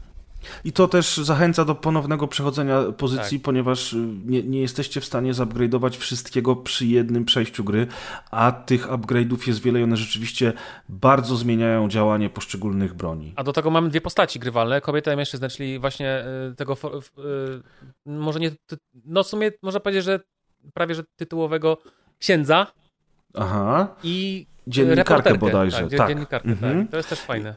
I oni mają też troszeczkę inne statystyki, Tak. prawda? Jakieś tam, rzeczy, jakieś tam rzeczy w gameplayu się między nimi różnią. Natomiast ogólnie rzecz biorąc, to nadal jest boomer shooter, Jasne. nie oszukujmy się. Ale przepiękny i naprawdę, naprawdę klimatyczny. To jest tytuł, o którym jest aż zbyt cicho Tak. na to, jak on jest dobrą grą. Zgadzam się. On w tej chwili kosztuje na Steamie, słuchajcie, 88 zł. Uważam, że warto jak cholera. A jak, a jak komuś w, w, w, żyłach płynie cebula zamiast krwi, to na bazarku jest chyba zadysz, zadyszkę, coś takiego. Dokładnie, dokładnie. Chociaż jak już macie tą cebulę we krwi, to jednak wesprzyjcie twórców. 5,35. O panie, to Ale aż, wiesz- aż, aż, aż, głupio, za, tak, za głupio. takie małe pieniądze kupować. Ale wiesz, czego to wynika? To jest taki tutaj mały, mały off-top. Jak deweloper decyduje się na wrzucenie swojej gry do bundla, to niestety zgadza się na jej dewaluację. Bo Mhm. jak gra wchodzi do bundla, to to wykupują handlarze i jakby ta gra momentalnie, jakby jej wartość spada, niestety. Więc, ale to też to, że ona tak szybko trafiła do bundla, może to świadczy o tym, że właśnie się, mało, się słabo sprzedała. Więc może to jest wręcz jeszcze większy argument za tym, żeby jednak ją faktycznie kupić na tym Steamie Tak. i, dewelopera wesprzeć, nie? Kupcie, wspierajcie, my czekamy na drugą część. Gra ma bardzo dobre oceny Tak. i zaufajcie nam, jest to jedna z najlepszych pozycji Tak. e, Ale jest dzisiejszego trudna. odcinka.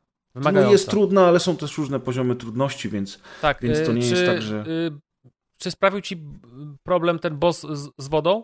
Bo mnie taki problem sp- sprawił, że musiałem obniżyć poziom trudności i dosłownie uważam, że ten boss, boss w trakcie gry, pod koniec gry jest trudniejszy od, od finalnego bossa. Tak jest, zdanie. jest, jest wymagającym No bossem. No. Tak, Trochę natomiast ja w nią grałem na premierę, ty Aha. grałeś teraz, A, okej. całkiem niedawno, Tak, tak. więc ja już nie wszystko do, dobrze Okej. pamiętam. Ale bossa oczywiście kojarzę. Natomiast tak, dalej pamiętam, że to jest po prostu szalenie miodny tytuł. Forgive Tak jest. me, Father. E, Słuchajcie, jeżeli chodzi o inny szalenie miodny tytuł, który niedawno e, doczekał się w wersji VR i jest to gra z mojej O. listy, ale myślę, że wszyscy chętnie o niej porozmawiamy, jest to Amid Evil.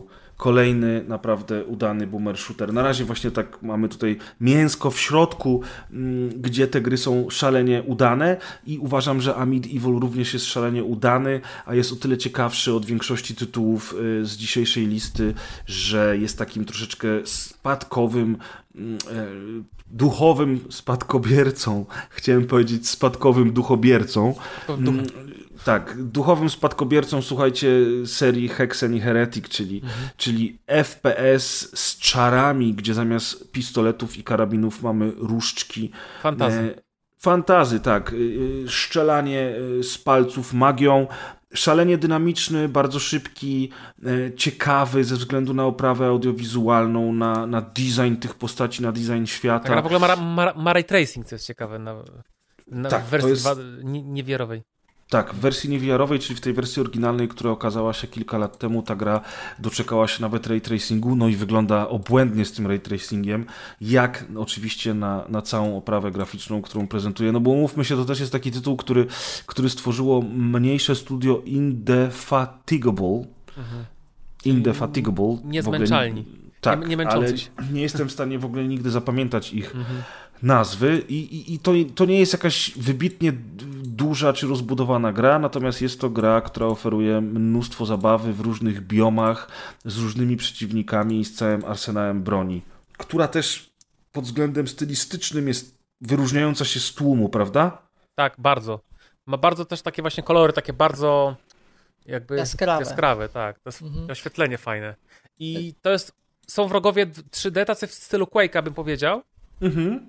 Ale na przykład znajdźki są 2D i to wszystko się tak, jakoś tak fajnie komponuje. I jeszcze tego grałem w to, ja to w ogóle grałem w VR-ze, bo chciałem trochę VR, wiecie, jak, jako że nasz podcast y, M Kwadrat stara się tutaj y, VR y, reklamować, Promować. to tak, promować, to zagrałem w VR-ze i naprawdę mogłoby się wydawać, że taka gra z taką prostą grafiką, z takimi dużymi pikselami, takimi płaskimi y, sprite'ami będzie źle wyglądać, ale nie, jakby kompletnie mózg to kupuje. Jest to, jesteś w tym świecie, to jest, to jest, to jest fe, fe, fenomenalne. I znowu, słuchajcie, Prez mnie znowu znienawidzi, ale ta gra jest na bazarku za, za 14 zł. I teraz, No jeśli... tak, ten bazarek promujesz, stary, no bo- daj zarobić twórcom, ej, Słuchaj. wiesz. Prez, Nie wszyscy dostają, wiesz, promki za darmo. Okej, ja wiem, że mieszkamy w Polsce i tak dalej, mentalność cebuli i w ogóle. Ja też rozumiem, że czasy są jakie są. Ej, to jest wolny zupełnie- rynek. To jest bezdyskusyjna kwestia. Natomiast Nie, też to uważam, płaci, słuchaj, nie? Ale słuchaj, ja uważam, że mm, te wszystkie tytuły, które my dzisiaj omawiamy, zwróćcie uwagę na to, panowie, one są zazwyczaj poniżej 100 zł. A Mid Evil 72 zł. Rozumiecie? To nie jest tak dużo, jak niektóre tytuły kosztują, zwłaszcza te tytuły wszystkie, które są e, współcześnie wydawane na konsole, więc, więc okej, Wiesz, słuchaj, Prezu, to jest... rozumiem wszystkie argumenty, ale 7 dych za taką grę to nie jest dużo po prostu, nie? No, No, Ja uważam, że jeśli ktoś, jeśli grę można legalnie kupić taniej, no to, to jeśli to jakby daje taką, to mówię o tym ludziom. Jak ktoś chce wspierać dewelopera, to jak najbardziej warto i na pewno jest to bardziej, bardziej szlachetne. Totalnie. Jakby tak jak najbardziej. Ale na przykład jeśli ktoś chciałby kupić tylko, tylko wersję VR, a chciałby troszkę, która kosztuje też swoje, to może tak zrobić, że można po prostu kupić na bazarze wersję y, 2D, a potem kupić paczkę. Wtedy do, VR dodającą wersję VR, tak, Tak. taniej, tak, tak, bo to są dwie osobne produkcje, ale Tak. jeżeli posiadacie już w swojej bibliotece Amid Evil, to możecie kupić Dokładnie. taniej. Też, też wielki wersję dla dewelopera.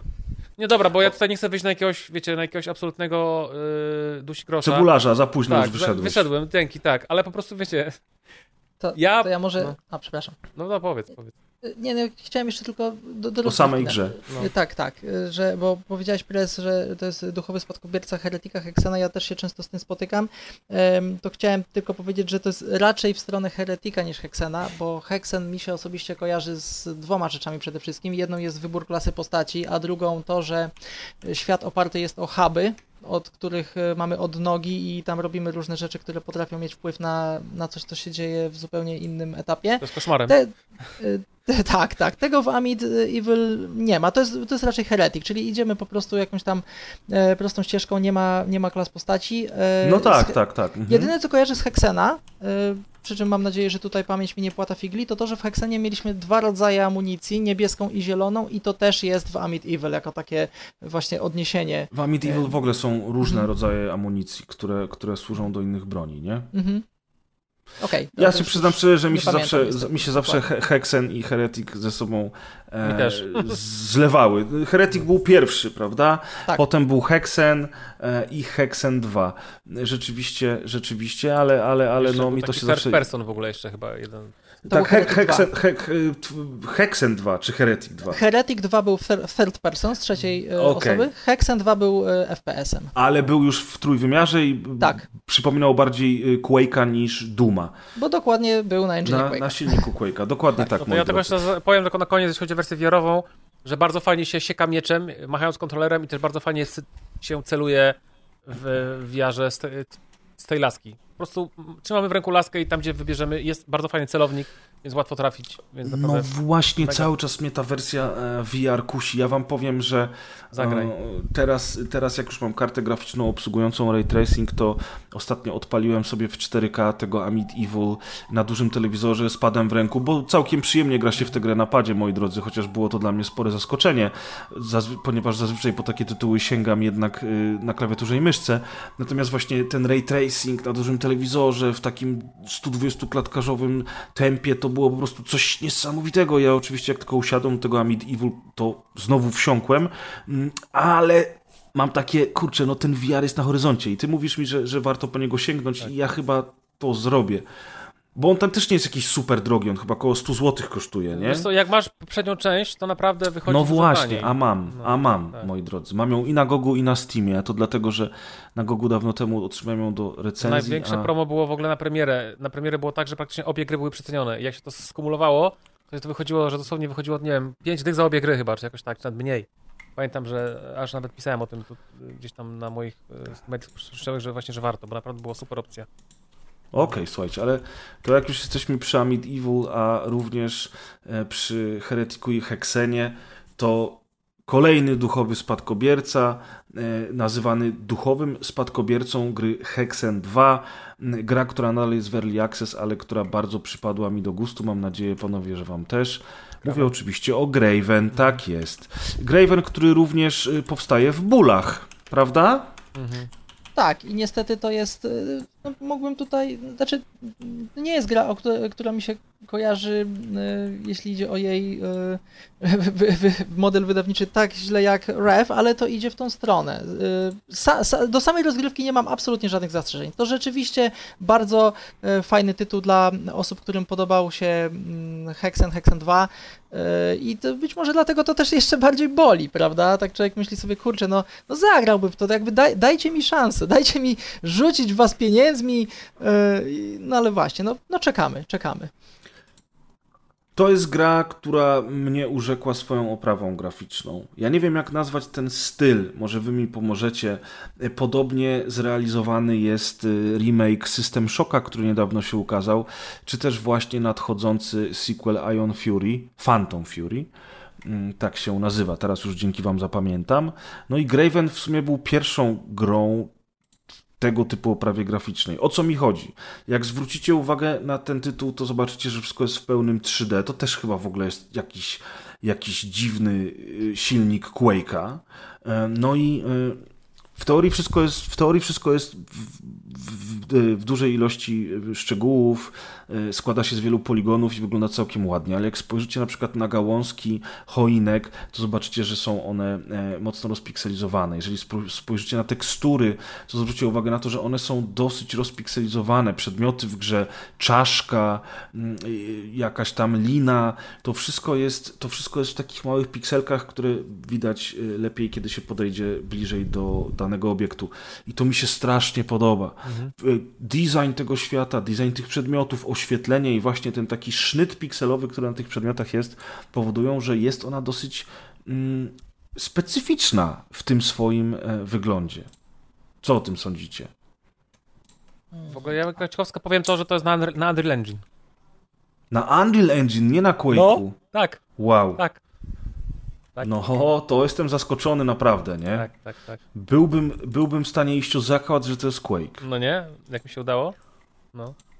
Patryk, a ty co, co, co, znaczy, co chciałeś jeśli powiedzieć? Jeśli idzie o oprawę, to y, a, aż tak nie zwróciłem uwagi na, na jakieś charakterystyczne jej cechy. Podobała mi się, tak? To tyle jestem w stanie powiedzieć, że po prostu bardzo przyjemnie chłonęło mi się klimat tej gry. Nie, nie przyglądałem się, jak ona wypada y, na tle innych produkcji, bo ba bardziej zwróciłem uwagę y, ogólnie, że jest to gra z z gatunku fantazy, prawda? Ich mhm. mamy wbrew pozorom dosyć, wydaje mi się, niedużo. Nie, nie, nie prowadziłem żadnych statystyk, nie liczyłem, ale wydaje mi się, że jednak jest ich troszkę mniej niż tych takich shooterów opartych. To ja tak no... bardzo szybko polecę grę Hands of Necromancy. Czyli mhm. ręce nekromancji. To jest też taka właśnie gra, to jest taki boomer shooter właśnie w klimatach dark fantasy, który wyszedł y, w zeszłym roku. Polecam. I to jest na co? Na PC. No. Okej, okay, widzisz, tytuł, który zupełnie tak. przeszedł chyba bez echa, co? Tak, tak. Pierwszy ja tam jakiegoś, ja tam jednego z takich małych youtuberów, chyba Kirk Collects jest taki youtuber. Jest, e, tak. No i on, on, on, on, o tym mówił. I dlatego, tylko, tylko dlatego o tej grze wiem. Ha, no widzisz, bardzo mnie zaskoczyłeś. No. Z, z, zerkam właśnie i faktycznie wygląda ciekawie, no. no ale oczywiście do Graven nie ma podjazdu. Jasne, no, no bo to pewnie też Graven jeden jest, człowiek. W Graven jest bardzo fajnie przemieszane chodzenie po jakichś tam piwnicach, czy, czy nie wiem jak to nazwać, katakumbach, e, przemieszane z tym, że znajdujemy się na otwartej powierzchni i po jakimś tam miasteczku sobie chodziliśmy. E, no, ale ilekroć coś mówię o tej grze, to taki żal, mam wrażenie, pojawił mi się w głosie, bo ja bym naprawdę chciał, żeby to już po prostu wyszło.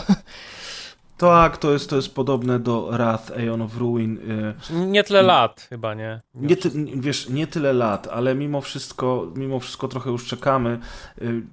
26 y, maj 2021. No tak, mm, ponad wiesz, dwa lata. I, I, tutaj, tutaj akurat w przeciwieństwie do tego, co mówiliście o Wrath, to rzeczywiście do Graven wychodzą nowe biomy, czy też dalsze epizody, e, w których pojawiają się nowe lokacje, nowi przeciwnicy, czy też bronie i rzeczywiście ta gra jest rozwijana, ale faktycznie chyba już całe środowisko mm, early accessowców, ludzi, którzy y, wspierają wczesny dostęp i przede wszystkim fanów gatunku, takich jak my, jest powoli zmęczone tym, że tych gier jest zatrzęsienie, większość z nich wychodzi właśnie w formie wczesnego dostępu i potem latami należy na te, mhm. znaczy należy, latami trzeba na, tytuły, na te tytuły czekać. Ja mam takie coś, a propos tego, o czym ty mówiłeś, Simplex, y, w kwestii, e, w kwestii tych łowców gier i, i tego no. ryneczku ich, że z pełnymi wersjami to tam akurat nie jest istotne, ale jeżeli chodzi o wersję Early Access, to ja zazwyczaj, jeżeli tytuł mi się podoba, to po prostu lubię go zakupić, dlatego że chcę w ten sposób wesprzeć twórców. I to nie jest Kickstarter, e, ani żadne inwest inwestycje w, w, tworzenie gry, ale, ale znaczy chociaż jest to jakaś tam inwestycja minimalna, ale po prostu ja w ten sposób jestem w stanie obcować z tytułem, przekonać się, jaki on jest, a jednocześnie dać y, możliwość twórcom, żeby, żeby finansowo y, po prostu ich wesprzeć i dzięki temu mogli dany tytuł po prostu ukończyć, nie? Co, co jest oczywiście korzystne nie tylko dla nich, ale również dla nas graczy. Tak, Graven miał wyjść, planowane, planowana, planowana data była 2022 rok, więc chyba się nie udało. No, zdecydowanie się nie udało. No. no. właśnie, no to jest ten problem. Ja myślę, że zostawimy sobie finał dzisiejszego nagrania na tę dyskusję. Y, jak duży jest to problem, czy warto i czy chce nam się jeszcze w ogóle czekać. Ale teraz, żeby, żeby nie przedłużać, słuchajcie, to polski tytuł. Tym, tym razem jednak Kolejny.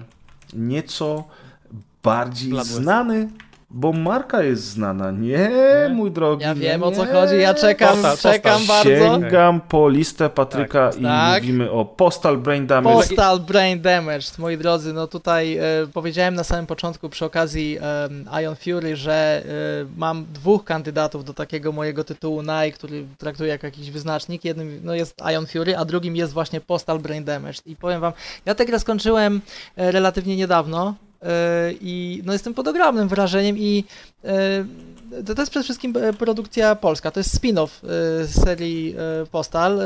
Została ta gra przygotowana przez Hyper Strange i przez Creative Forge Games i no kurczę, no jak, jak, tak, jak w to grałem, to ja mam taką swoją małą tezę. Moja teza taka mała jest, że Polacy robią absolutnie fantastyczne FPS-y na światowym tak. poziomie. Gdyby nie różnica w budżecie, to możliwe, że mogliby stać w jednym szeregu spokojnie z y, największymi tuzami branży. Y, I y, jeśli idzie właśnie o, konkretnie o gatunek boomer shooterów, to ten Postal Brain Damage jest absolutnie fantastyczny. Podoba mi się przede wszystkim, że no, trzyma się tej konwencji, że mamy tutaj bardzo dużo odniesień do, do, do innych gier tego typu. E, I w przypadku Postal Brain Damage jest, e, manifestuje się to przede wszystkim w broniach. I teraz e, tak, żeby nie było. Ta gra to jest jeden wielki żart z gatunku humoru toaletowego. Więc mhm. jeżeli komuś to przeszkadza, jeśli ktoś nie lubi, jak żarty są oparte o, nie wiem, opuszczanie błąków, to, to nie, niech nie podchodzi. Natomiast jeżeli ktoś tak z przymrużeniem oka to potraktuje, to uważam, że będzie miał do czynienia z naprawdę bardzo fajną grą i tak jak powiedziałem e, o tych broniach, na przykład mamy e, jedną z pierwszych broni, jakie znajdujemy jest Not So Smart Pistol, co jest oczywiście odniesieniem do Smart e, Pistola, którego znamy z gry Titanfall. Oprócz tego mamy Super Hooker Shotgun, czyli dwururkę z zamontowanym hakiem, która jest zaczerpnięta z Doom Eternal i chyba jest to nawet gdzieś w opisie tej broni tam wspomniane. Mamy, i teraz najmocniej przepraszam, ja tylko cytuję jak ta broń się nazywa, mamy broń, która nazywa się Brain Fucker Gun 69 tysięcy i to jest, słuchajcie, to jest kombinacja spawarki z Quake'a, BFG z Duma i Shock Rifle z Unreal Tournament. I jak strzelałem, to po prostu myślałem, no Boże Święty, jaki geniusz na to wpadł tak przyjemnie mi się w to grało, tak jak powiedziałem, to jest y, razem z Iron Fury, ja nie wiem, która to z ja jeszcze gier... tylko wspomnę o jednej broni Wiedziałem. mojej ulubionej. Wiem to powiedzieć. Wie, wiesz Dildosy. co powiem, prawda? Łuk? Tak. Łuk strzelający z dildosami, tak który, jak, który jak napniemy go odpowiednio mocno y, jęczy niczym y, podniecona kobieta.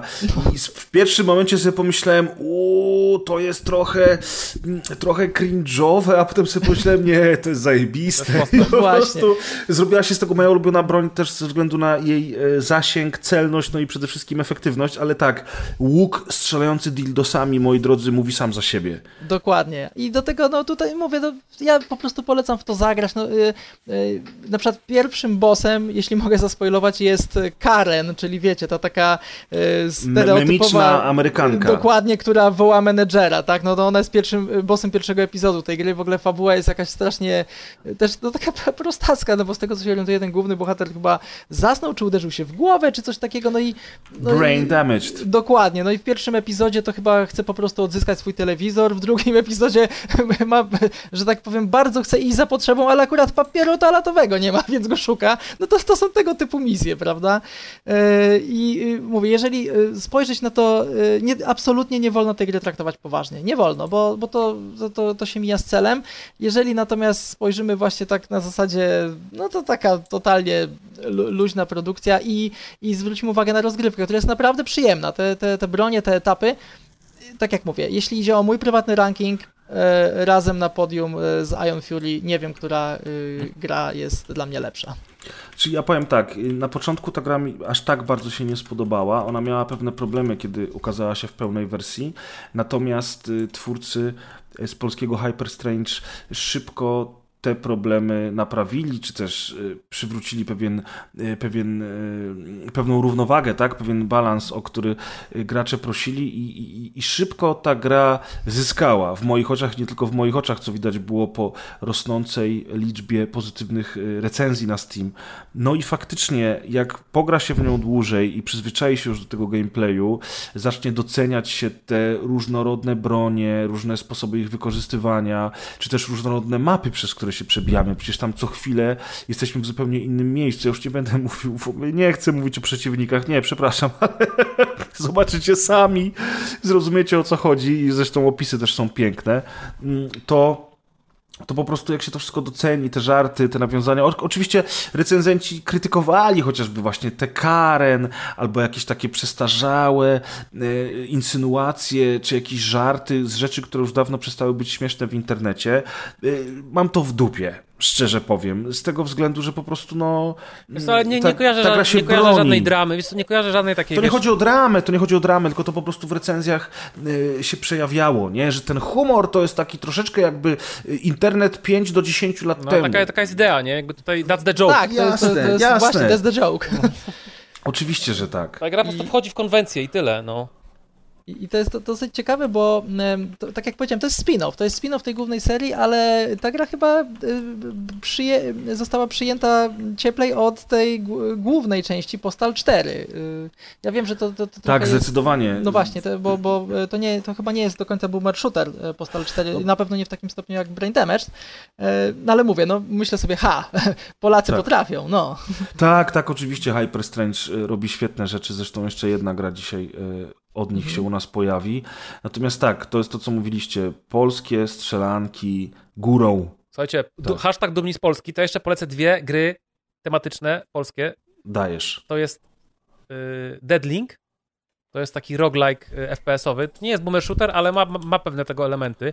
Grube Aha. Entertainment y, robi to, firma z Krakowa, która w ogóle, w której pracują w ogóle ludzie, którzy pracowali nad Painkillerem między innymi, czyli ten oryginalny skład People Can Fly. W sensie niektórzy Okej. deweloperzy People Can Fly odeszli, założyli to, to, to, to studio. Myślę, że nie ma lepszej rekomendacji. I wygląda to naprawdę No. interesująco. Tak. To jest taki trochę komiksowy sznyt. Tak, taki science fictionowy. No naprawdę, sam osobiście przyznam się, że jeszcze nie grałem, ale Mateusz, mój kolega Mateusz Kadukowski z, z kanału Kadukowo bardzo to polecał i ogólnie bardzo dużo tych wszystkich takich różnych y, tych youtuberów FP, FPS-owych, typu właśnie Kerk Colex czy G-Man i tak dalej, też bardzo, bardzo się o tym ciepło wypowiadali. Okej, a I druga, druga gra? gra to jest Project Downfall, który nie jest boomer shooterem, ale ma grafikę totalnie jak boomer shooter. To jest taka przedziwna gra, którą zrobił właśnie jeden człowiek, Polak też, yy, którego ja nie znam osobiście, więc może nie jestem obiektywny, ale tak, to jest taka psychodeliczna gra, która ma w ogóle różne zakończenia, yy, wybory fabularne, przedziwna gra, taka gra, masz wrażenie jakby grając w tę grę, że jesteś na kwasie. Mhm. Zobaczcie sobie. Pro- Project Downfall? To jest, to jest taki FPS-owy Project Miami. Tak, trochę tak. Ale Y, właśnie... Hotline Miami. Ale właśnie Miami. twórca strasznie nie lubi, jak się tak mówi.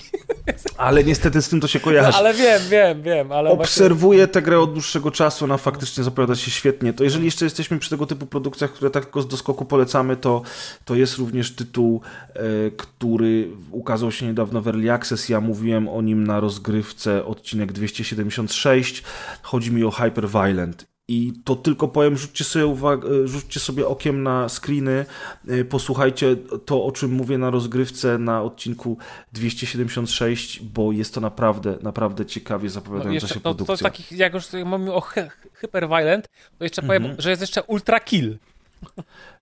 Tak. Jest Ultra Kill, który ukazał się już dawno temu Tak. i który, nie wiem, czy wyszedł w pełnej wersji Dwa w lata- końcu, czy Nie, nie. Oczywiście, że dalej nie. jest w Early Access, tak. Oczywiście, że nie. To, to, to, mhm. Mów Chciałem Patryk, powiedzieć, że to mów. jest taka, taka gra mocno zręcznościowa, Ultra Kill. Je- to, to, to, to jest z tych trudniejszych, że tak powiem. Ma, ma takie troszkę, tak jakby powiedzieć, troszeczkę ma coś z Dark Souls, że tutaj trzeba wyczekiwać momentu, jak walczymy z kimś cięższym, robić unik. Tak po prostu ostrzegam, natomiast warto sprawdzić, jak najbardziej. Hyperviolent też Taka jest. skillowa. Hyperviolent też jest w Early Accessie. Tak jest, tak, tak, tak, oczywiście. E, W każdym razie, w ogóle, jeżeli chodzi o Ultra Kill, to wydaje to New Blood Interactive, czyli wydawnictwo, za, które stoi za Duskiem, za Amid Evil, czy też za powstającym Gloomwood. On dzisiaj na listę nie trafił, ale skoro już o nim mowa, to tylko warto wspomnieć z kronikarskiego obowiązku, że jest to nadchodzący duchowy spadkobierca serii Thief, przy której zresztą chyba ktoś z twórców pracuje e, i jest taką FPS-ową skradanką, więc nie jest to typowy shooter. Gloomwood, sprawdźcie sobie, w wersji Early Access pojawił się we wrześniu 22 e, i też kosztuje około 70 zł, a recenzje zbiera całkiem niezłe. No, słuchajcie, to teraz przechodzimy do kolejnego tytułu. To jest ostatni tytuł z Twojej listy, Patryk. Chciałbym, żebyś o nim opowiedział teraz, bo y, nie znam, grałem tylko przez chwilę w demo, a bardzo chętnie dowiem się o tym, dlaczego Turbo Overkill jest takie dobre. Mhm, Dobrze, E, to ja od razu powiem, Bo że... mamy piłę w nodze. E, Właśnie, znaczy chciałem powiedzieć, że ja też póki co grałem tylko w demo. W tym demie jest całkiem sporo zawartości, więc e, zdecydowanie warto sprawdzić, ale to jest tak, tak jak, ja, tak jak powiedziałem, że Prodeus kojarzy mi się z tym, że to jest demake Doom 2016, tak Turbo Overkill to jest taki demake Doom Eternal, czyli Okej. bardziej mamy no, dynamika poruszenia zaryzykuje y, tutaj tezę, że jest to najbardziej dynamiczna gier z tych, które dziś wymieniliśmy. Mhm. Y, może no, waham się, znaczy bo Ultra Kill był wspomniany wprawdzie przy okazji, ale waham się między tymi dwoma, ale na pewno jest y, gdzieś tam w topce. No właśnie, mamy piłę w kolanie, no bo po prostu myślę, że to zamyka temat, jeśli chodzi o swag, że, że tutaj e, możemy robić wślizgi, po prostu kosić tych przeciwników. E, Mamy e, skoki z kontrolą lotu, coś mniej więcej jak mówiłem przy okazji Dusk. Etapy są mocno wertykalne, dużo jakichś jump padów, które nas wyrzucają w powietrze i to, co może tutaj świadczyć na plus Turbo Overkill, jeśli idzie o o, o rozgrywkę, to jak wyszedł Doom Eternal, to ta gra wywołała takie, no, no, można powiedzieć, kontrowersje wśród fanów gatunku, dlatego że z jednej strony mamy świetną nawalankę, natomiast Doom Eternal e, ma relatywnie mało e, daje nam relatywnie mało amunicji w każdej broni, bo twórcy chcą żeby wymusić, żebyśmy my sobie te bronie przełączali i rzeczywiście jak, jak to robimy, to daje to bardzo taki pozytywny efekt yy, końcowy, natomiast Mhm. były osoby, które nie mogły się do tego przyzwyczaić, którym się nie podobało to, że gra wymusza na nich, że muszą zmienić swoją ulubioną broń. Mnie się To- to nie podobało, bo tam w ogóle wszystko było przekombinowane. Jestem, jestem zatwardziałym krytykiem Doom Eternal, chociaż całą serię kocham. No właśnie, no właśnie. I w Turbo Overkill tego nie ma. Więc jeżeli ktoś chce mieć nawalankę z dynamiką, jak w Doom Eternal, ale, ale irytowało go to, jak została rozwiązana kwestia amunicji e, w Doom Eternal, to polecam sprawdzić Turbo Overkill. E, Ja dodatkowo, e, mi się w tej grze bardzo podobała oprawa. Kolory, Mhm. Kolorystyka kojarzy się z takim popkulturowym obrazem lat 80., wiecie, dużo różu, fioletu, neony, Tak. E, e, ta, tak samo z muzyką, jakieś tam synthwave, synthwave'owe wstawki są. No Synthwave jak zawsze na propsie. Tak, znaczy ja nie, nie powiedziałbym, że to jest taki całkowicie synthwave, ale tak jak mówię, no, są te elementy, daje to bardzo przyjemny, te, taki całościowy odbiór tej gry i dlatego chciałbym ją bardzo polecić. E, Na, tak jak mówię, demo cały czas jest dostępne, to nie było demo czasowe, warto Tak. sprawdzić. Demo jest dostępne i co ciekawe, pełna wersja gry wychodzi już 11 sierpnia, czyli za dwa tygodnie. O, no. W końcu, Wow. że tak powiem, przełamanie tego schematu. Tak, y, wer- wersja Early Access pojawiła się w sprzedaży 22 kwietnia 22, więc y, nie rok ta, no właśnie, nie tak i długo, 4 nie? miesiące. Rok i 4 miesiące i słuchajcie, y, wychodzi pełna wersja. Ja po tym, co usłyszałem, sięgnę po ten tytuł, chociaż w ogóle trochę mnie te Cyberpunk. porównania do Doom Eternal. Cyberpunk, to jest świetne neony, to jest super estetyka. Tutaj Tak, naprawdę. Cyberpunk, Synthwave, bardzo przyjemna oprawa graficzna. Ja muszę przyznać, że troszeczkę już mam dosyć wszystkich klonów i modów Duma, czy też gier przypominających gry na silniku Build. i coraz częściej sięgam właśnie po tego typu tytuły, które już nie wyglądają jakby powstały 30 lat temu. No a Turbo Overkill, mimo tego, że ma oczywiście taką stylistykę, to wi widać od razu, że to nie jest gra, która powstała 30 lat temu i e, ma ona wiele do zaoferowania w tej swojej warstwie audiowizualnej.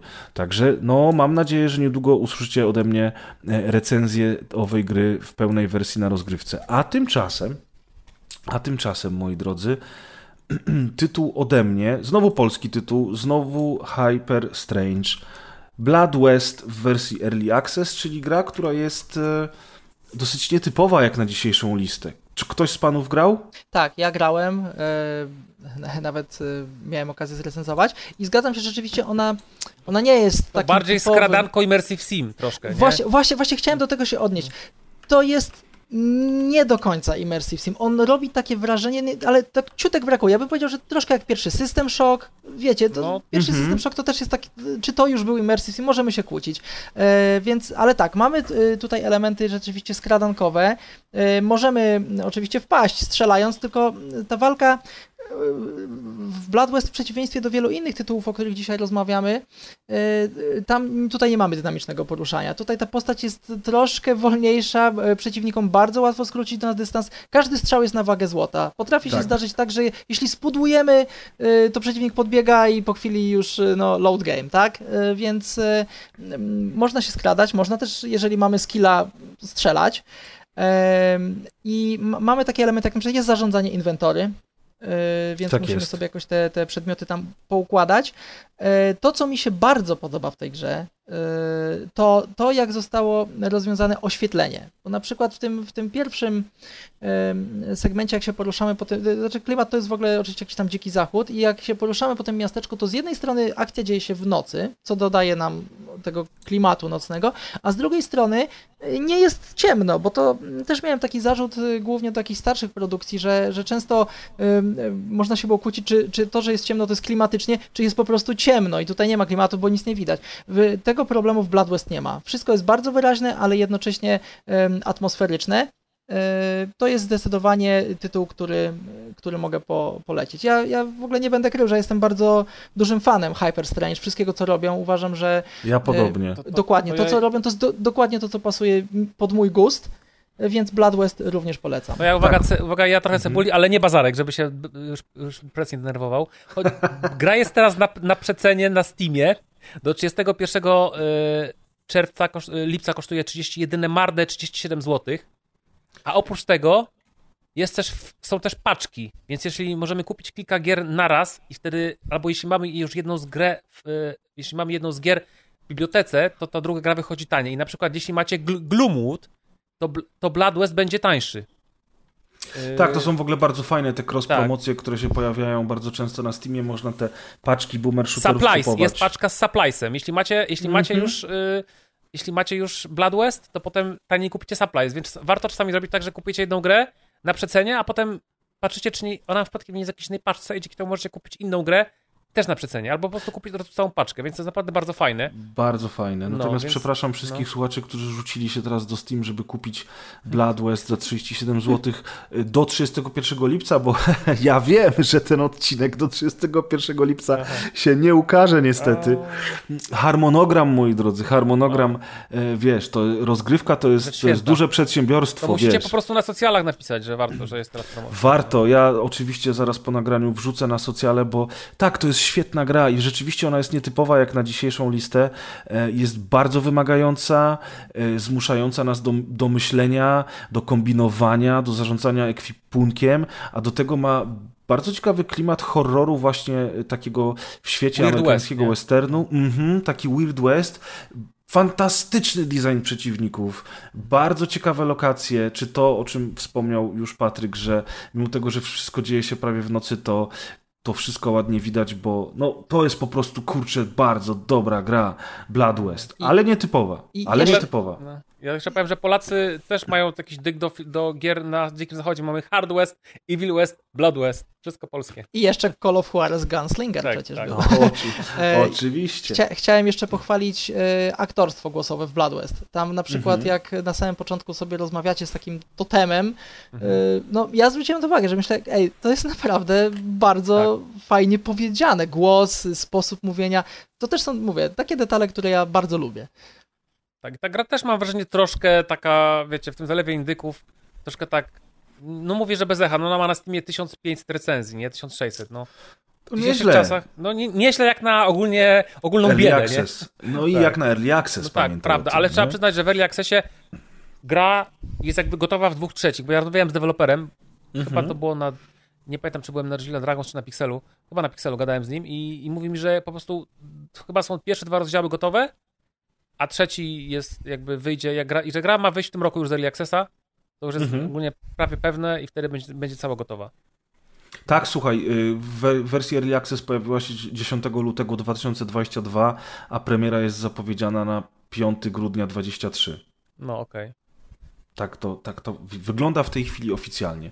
No, także y, Blood West to jest naprawdę Kolejny mocny polski pozycji.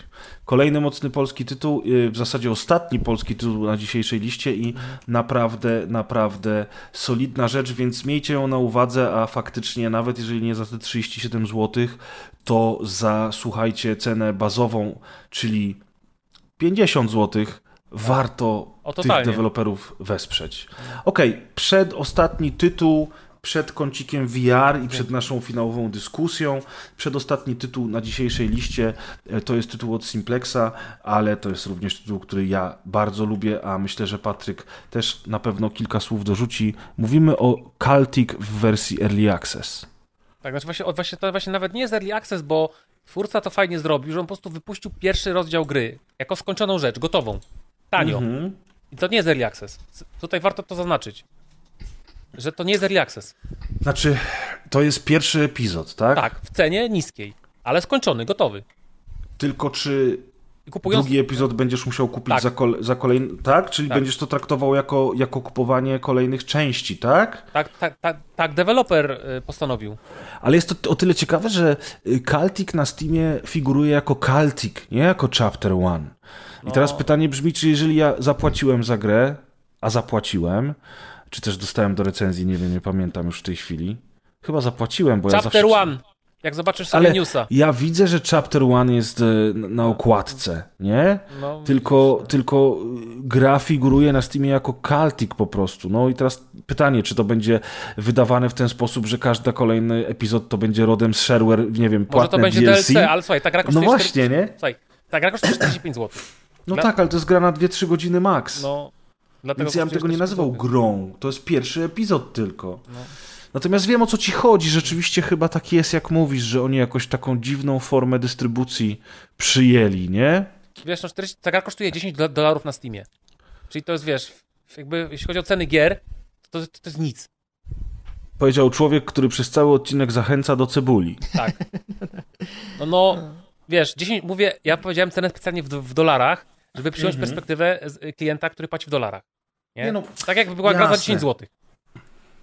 Czyli cena z bazarku. No tak, ale nie do końca, ale wiem o co ci chodzi. No, dobra, słuchajcie, nieważne. Celtic Chapter 1, e, Jassos Duchowy spadkobierca Games, Blada. Duchowy spadkobierca Blood, wydawane przez 3D Realms. E, bardzo, bardzo ciekawa oprawa audiograficzna. I robi to prawda? jeden człowiek też. Mhm. I w tej grze, jeśli mogę zwrócić uwagę na detal, są bardzo przyjemne headshoty. Naprawdę przyjemnie się w te głowy strzela. Więc to jest, ja, ja, jeżeli to jest coś, Gracze co to z lubicie- wyrole. Tak, jeżeli coś, co lubicie w grach, to jest właśnie headshoty, to, to y, y, będzie tutaj fajnym tytułem. E, tak, jest tutaj ewidentna inspiracja Blood e, i ktoś mi kiedyś zwrócił uwagę, bo tak się zastanawiam, jaka jest różnica? Mm, różnica jest w tym, że tutaj nie ma tego takiego humoru, Mhm. co, którym Caleb nas raczył, prawda? E, natomiast jeśli idzie o... Jest ciężki klimat. Tak, e, i jest jedna rzecz, i teraz nie wiem, czy ja dobrze pamiętam, ale tak mi się to zapisało w pamięci. Jeden, jedna rzecz, która mnie strasznie zirytowała, być może się mylę, być może to zmieniono, ale kojarzę, że dynamitami w Celtic posługujemy się, że tak powiem, na odwrót niż w Blood, bo w Blood bodajże primary fire był taki, że rzucamy dynamitem, on eksploduje od razu, natomiast secondary fire to, że podpalamy ląd i teraz ten dynamit sobie po jakimś czasie wybuchnie. Świta mi, że w Celtic zrobili coś z tym na odwrót mnie to strasznie bolało, bo ja odruchowo Aha. używałem tych dynamitów tak jak w Blood i cały czas było to błędne. Może da się to jakoś zmienić. Mm, może, ja po prostu mówię, dosyć dawno w to grałem, więc, więc teraz e, nie, nie, nie jestem pewien, jak to teraz wygląda. No, tak, tak chciałem po prostu się podzielić, że, że może taki ewentualnie problem mieć. To oczywiście jest detal, e, bo ta gra sama z siebie jest, jest bardzo, bardzo fajna, bardzo dobrze zrobiona. Jest to znowu kolejny mocny tytuł.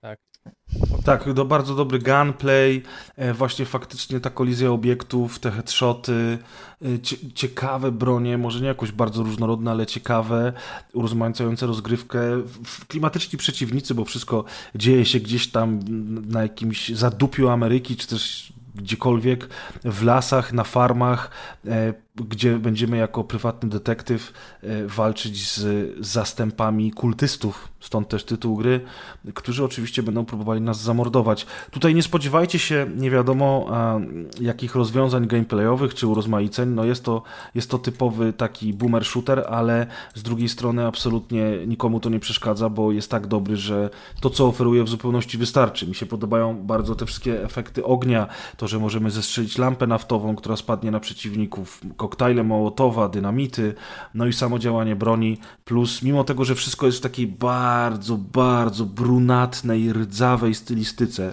dosłownie wszystko, to to otoczenie w tym pierwszym rozdziale zmienia się na tyle, y, kiedy brniemy do przodu, że, że, że, że, nie wydaje się Tam być chyba są nudne. jeszcze jakieś filtry graficzne, wydaje mi się, że są jakieś filtry, które można się można nimi bawić. Już teraz nie pamiętam, ale chyba może troszkę to zmienić te kolory, jakby to komuś to bardzo nie, nie pasowało. Jeżeli mam być szczery, to nie pamiętam No, ja tego. też. Zupełnie. Okej, to może coś pomyliłem, no nieważne. Ale Okej, y, sprawdzimy, bo możliwe, że mylisz to z naszą ostatnią grą dzisiejszą z głównej listy. mhm. Gun? Boltgun, tak jest, przechodzimy do Boltgun. E, Nie przypadkiem ustawiłem y, Celtic i Boltgun obok siebie, bo one wizualnie stosują podobne rozwiązania. I też oto mamy pełen y, trójwymiar y, otoczenia i sprajty naszych dłoni, broni oraz przeciwników. E, Tyle tylko, że Boltgun nie jest w takiej stonowanej e, palecie barw, wręcz przeciwnie, jest bardzo kolorowy, momentami wręcz jaskrawy i to on właśnie ma możliwość takiego przesuwania suwaczków w opcjach, żeby, żeby tę paletę ubogą barw wyłączyć i dać grze współczesne, e, bardzo kolorowe e, oblicze oraz też tą pikselizację ustawić do minimum. Ja tak polecam grać. Współczesna kolorystyka i minimalna pikselizacja, wtedy w tej grze najbardziej widać jak pięknie ona jest zrobiona, a o Ona, co w ona, ogóle ogóle chodzi? na, ona jest w ogóle na Unrealu, taka ciekawostka. No o, to jest kolejna, dru, drugi raz Unreal nas No zaskoczył Tak. w dzisiejszym System nagraniu. Shock też jest na Unrealu. Ale to akurat wiedzieliśmy chyba. Tak mi się przynajmniej wydaje. No i w każdym razie, słuchajcie, Warhammer 40 tysięcy Bolt Gun, czyli e, wreszcie jakaś naprawdę dobra gra w tym uniwersum. E, gier z uniwersum Warhammer 6000 jest bardzo dużo, ale za, bardzo dobrych gier jest niewiele. No a tymczasem Bolt Gun straszliwie chwycił, niesamowicie zaskoczył i spotkał się z bardzo, bardzo ciepłym przyjęciem. Myśmy obszernie o grze mówili na e, ostatnich odcinkach rozgrywki, teraz już nie pamiętam, który to był dokładnie odcinek, więc może mikrofon e, przekaże tobie Simplex. Jeśli chodzi o Bolt Guna, Oczywiście. yy, ale to ja nie grałem. A to mi się udało. No to Patryk. To ja też muszę niestety przyznać, że nie grałem, bo... What? e, Teraz, What? ale- teraz, wy- nas teraz wyłącza, teraz wymutowuje. Nie, to teraz ja będę musiał jednak mówić o tym, a myślałem, Ale- że się sorry, wycwanie. sorry. Ale, ale chciałem, chciałem tylko powiedzieć, bo, e, bo to jest tak, e, Boltgun jest rzeczywiście w świecie Warhammer 40 tysięcy i to jest taki, takie uniwersum, które ja znam praktycznie tylko i wyłącznie przez osmozę, bo akurat z biegiem okoliczności całkiem dużo gier e, w tym uniwersum jest e, zrealizowanych, A i, i, i, pamiętam, że jak ten Boltgun wychodzi, tak sobie pomyślałem, kurczę, no ja wiem, że to nie ma absolutnie, ale to absolutnie żadnego znaczenia w gatunku, jakim są boomer shootery, ale mimo wszystko chciałbym troszkę tego lore liznąć. Mhm. I, y, kolega polecił mi materiały, y, z których mogę coś poczytać o, o Warhammerze, tylko że to był chyba ponad trzygodzinny film y, do posłuchania, obejrzenia i stwierdziłem, kurczę, no nie no, może jednak coś bardziej dla, dla, dla laika, tak? I więc e, sam cały czas sobie obiecuję, że w końcu sięgnę po ten pierwszy oryginalny podręcznik e, do gry bitewnej, gdzie, gdzie było coś wspomniane, żeby chociaż złapać troszkę tego, tego kontekstu mm -hmm. i mhm. dopiero wtedy chciałbym zagrać w Bolt Gun, więc mam ta, takie postanowienie wewnętrzne. To ja od razu powiem tobie i naszym słuchaczom, potrzebne. że absolutnie to nie jest potrzebne. Mm, Dokładnie. Ja wiem, ja wiem. Fajnie, że chcesz się tym światem zainteresować, natomiast to w ogóle nie jest potrzebne. Otóż Warhammer 40 tysięcy Boltgun to jest, e, to jest typowy reprezentant gatunku boomer shooter, w którym przemierzamy kolejne plansze, różnorodne lokacje i wywalamy miliony pocisków wszelkiej maści w hordy przeciwników, którzy wywodzą się z frakcji chaosu i nie tylko, na bardzo długiej i bardzo obszernej kampanii, która troszeczkę przypomina taki klimat y, typowego, jak to się mówi, Kurczę, teraz mi słowo wypadło. Akcyjniaka? Nie, nie, nie. Chodzi mi o, w Dumie 2016 tak było, że, że, że zamyka się pomieszczenie i my walczymy Arena do roomy. Kill roomy. Tak, takiego arena shootera, takiego właśnie wypełnionego kill roomami, e, w którym rzeczywiście bardzo często, nie zawsze, ale bardzo często jest tak, że nagle zamyka nam się pewien obszar i na tym obszarze musimy wszystkich wytłuc, a nie jest to zadanie łatwe, dlatego że gra jest naprawdę wymagająca. E, oferuje dużo poziomów trudności.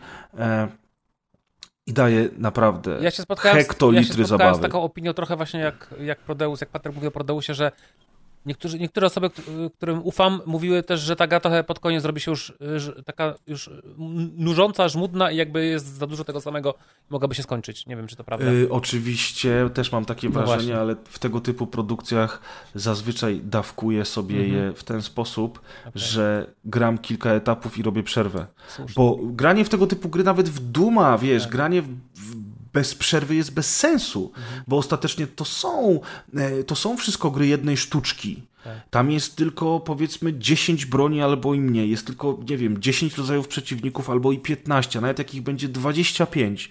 To w dalszym ciągu to są gry, które na dłuższą metę są po prostu bardzo, bardzo wtórne. Mm, I w przypadku rzeczywiście Boltgana granie bez przerwy jest bez sensu. To, to totalnie Ale gra też nie jest odbiera długa, zabawę. bo jest około 10 godzin. No to jak, mój drogi, to, to dla mnie to jest jednak dużo jak na tego typu produkcje. I zwłaszcza jak spojrzysz na listę okay. e, misji, które są w tej grze, to jest całkiem długa zabawa.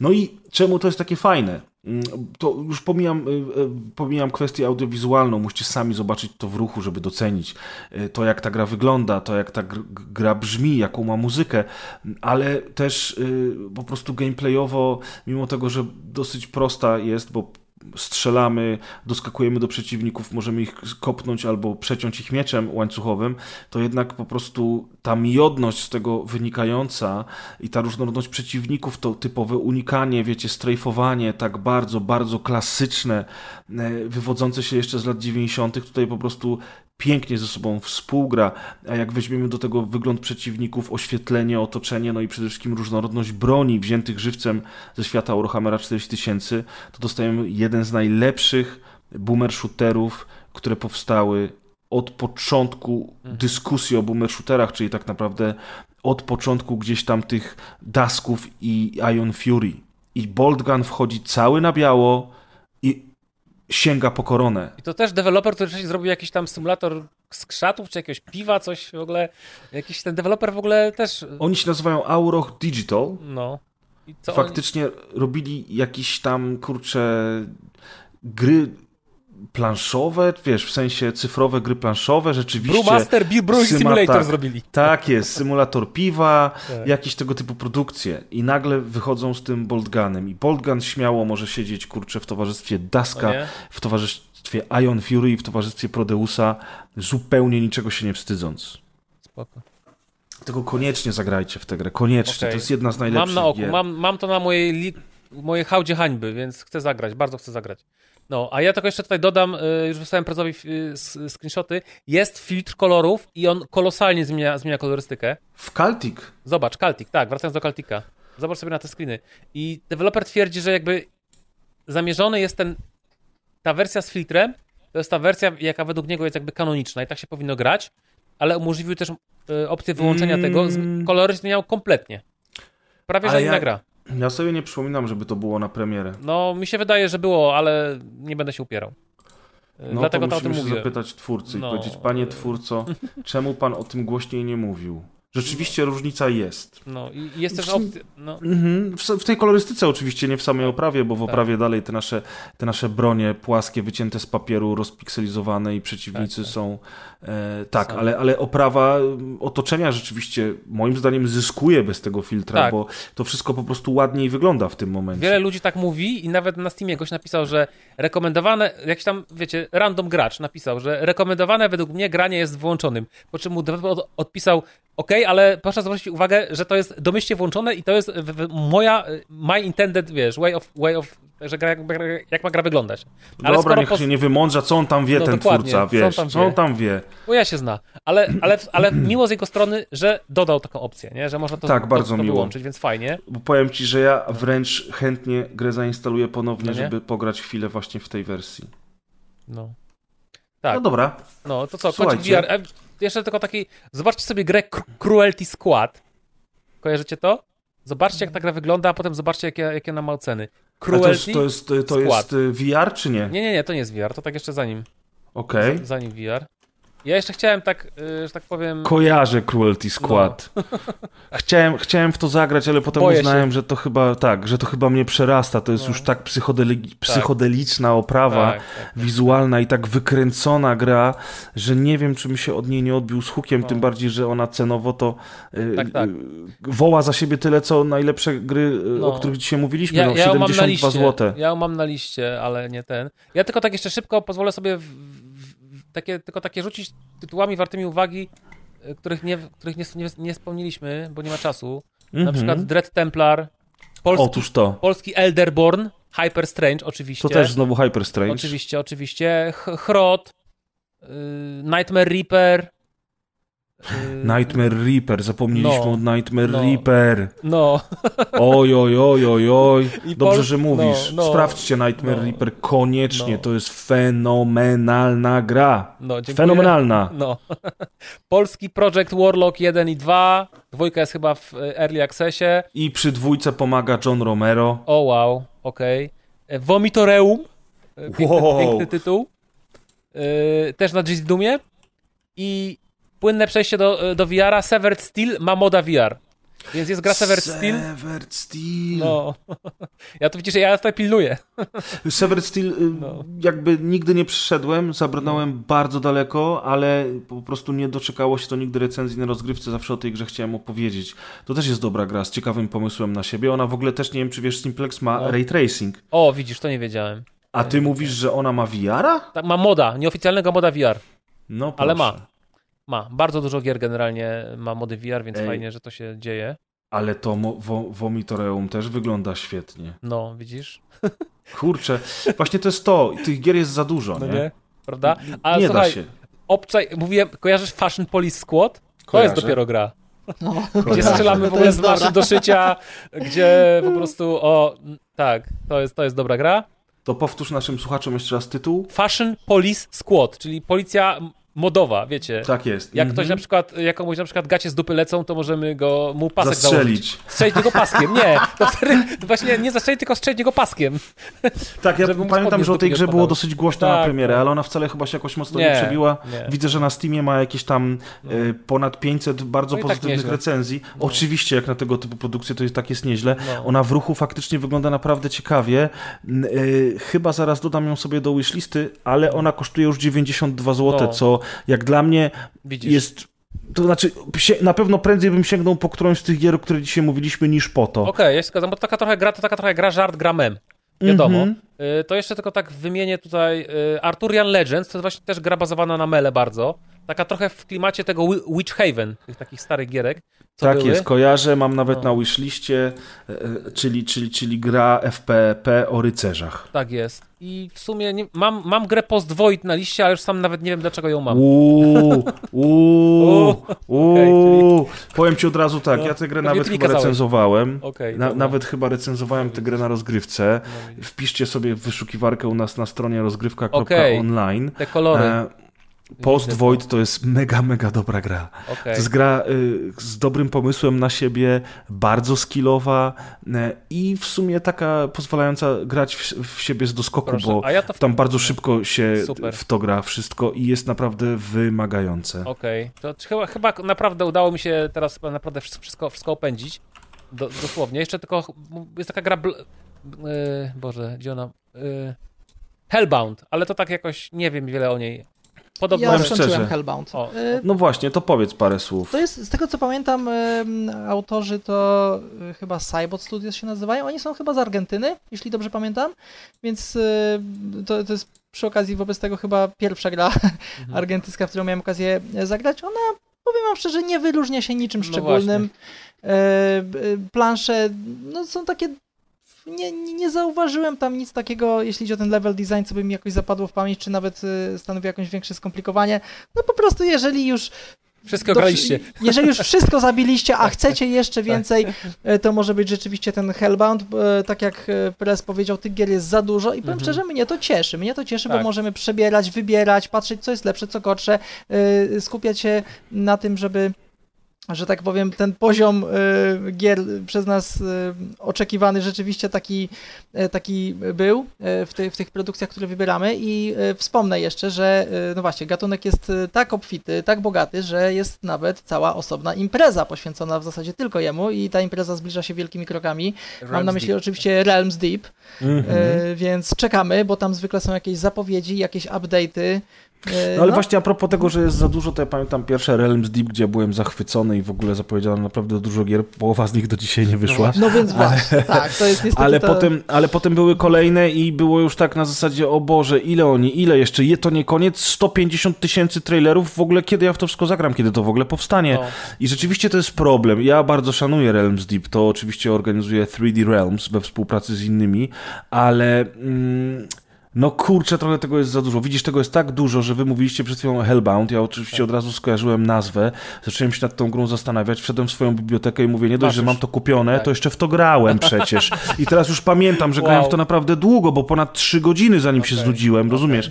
Bo rzeczywiście to nie jest jakaś No. wybitna gra, ten Hellbound. Tak. Tam, tam, tam wiele, wiele rzeczy mogło wyjść lepiej. Ona jest akurat najsłabsza z tych wszystkich gier, faktycznie może nie, nie, nie, nie było, nie, nie trzeba było nie mówić, ale już, no, opędziliśmy te gierki, myślę, że wymieniliśmy przynajmniej z tytułu chyba wszystko, albo prawie wszystko, na, naprawdę warto uwagi. Jeszcze Metal Hellsinger, okej, powiedzmy, że, ale to taka bardziej gra trochę, ry, trochę, Rytmiczna. trochę, trochę rytmiczna. Mhm, mhm. Jeszcze tam Bullets per Minute, ale to też y, bardzo rytmiczna gra. No, a Co to było? Bullets per Minute, BPM. Taka To była. też rytmiczna. Tak, też, Mhm. tak, tak, dlatego mówię w, w, w, w nawiązaniu do właśnie Metal Helsingera, ale Metal Helsinger zbiera dobre oceny i też ma moda VR, więc jak ktoś chce, to może spróbować. Yy, a ja już szybko tak tylko za, zakończę kącikiem VR-owym, o, czyli gry, których pewnie większość słuchaczy nigdy o nich nawet nie słyszała, nawet tytułów. Yy, to jest mianowicie Compound i to naprawdę warto zagrać. Słuchajcie, zobaczcie sobie, jak to wygląda. To jest gra w pixel arcie, takim też bardzo pastelowy, bardzo żywe kolory, takie jed, jednorodne, ale jest fantastyczne. Robi to koleś, który widać, że się, że siedzi w boomer shooterach, jest masa nawiązań w tej grze do innych boomer shooterów, tam kiedyś e, prezowi chyba jakieś screenshoty wy, e, nawet wy, wysyłałem, Mhm. bo nawet niektórych, niektórych no, nawiązań nawet ja nie do końca rozumiałem. Dev w ogóle super odpowiada na, na Twitterze, dał mi klucz w ogóle bez żadnego problemu. Jak go pytałem jakieś nawiązania, to mi odpowiadał. Też to gra jednego człowieka, rogalik, ale świetnie zrobiony. No, trzeba to, trzeba to zobaczyć. To w Ja kojarzę tytuł, to faktycznie ładnie wygląda. to się niesamowicie w, miodnie w to gra, jest super się strzela, yy, naprawdę mio, miód gra. To jest rogalik, ale w, ja w niego, długo w niego grałem, zrobiłem cały taki pełen pierwszy run, szedłem ją do końca, czyli pokonałem tam bossa, he, helikopter. Gra jest na wszystkim. Z racji grafiki ma, ma małe wymagania, więc ona nawet na questie działa yy, jakby samodzielnie, nie wymaga Bez kabelka. Tak, bez kabelka, nie wymaga peceta. Można odpalić ją po prostu na Questie, można ją odpalić na... No jest, jest, jest na... A to można ją kupić na Questie, nie trzeba Tak. mieć jej na Steamie? Tak. Możesz no poprosić widzisz. dewelopera na Twitterze o klucz i ci da. no, więc jakby na tej zasadzie. Ty to sobie umiesz radzić, no. No, prezu! Szanuję, szanuję. No, ale- Nie, no, ja się śmieję, przecież ja też No właśnie. dostaję no. gry do Ja tę recenzji. grę chyba kupiłem na Steamie, a na Questie poprosiłem o klucz. I normalnie ją Mhm, kupiłem po prostu, mhm. bo ja staram się gry VR wspierać, nie? No i kupuję. To wiemy, dużo. wiemy. No, Simplex, więc, jest, więc tak. Simplex jest takim Apostołem. apostołem, tak, Jest, VR-u. ale nie, naprawdę, zobaczcie sobie Compound. Fenomenalnie, fe, fe, fenomenalna gierka, jeśli chodzi o, o, VR-y. Y, Rogalik w bardzo fajnym art stylu. Pr- Prawie, że troszkę, aż prawie, że troszkę do Wolfensteina na, nawiązuje, bym troszkę Mhm. powiedział. Tak, przynajmniej jeśli chodzi o y, gęstość pikseli, ale jest naprawdę fenomenalna. Y, inna gra, y, bo już o jednej, o jednej, już, o jednej już o Amit Evil już powiedzieliśmy, to jeszcze jest taka gra jak Shock Troops. To jest też gierka zrobiona przez bardzo małe studio, chyba się VR Collective nazywa, czy jakoś tak. To jest gra w klimatach science fiction. Oni też zrobili taką grę Theta Legion, w którą ja nie grałem, która jest tylko dostępna na, y, na y, Rifcie. Nie na, niestety nie, nie ma jej na Steamie i nie da się nią grać właśnie na Questie, tylko wymaga tych gogli. Znaczy, da się grać na Questie, ale y, musi być to Quest podłączony kablem lub bezprzewodowo do PC-ta. Y, Ale w to, w to nie grałem, grałem w Shock Troops na Questie i jest to świetna gierka. Też właśnie są tacy płasty, y, płaskie sprite przeciwnicy, bardzo rozpikselowana, ale bardzo fajnie, y, bardzo fajny art style, dość trudna.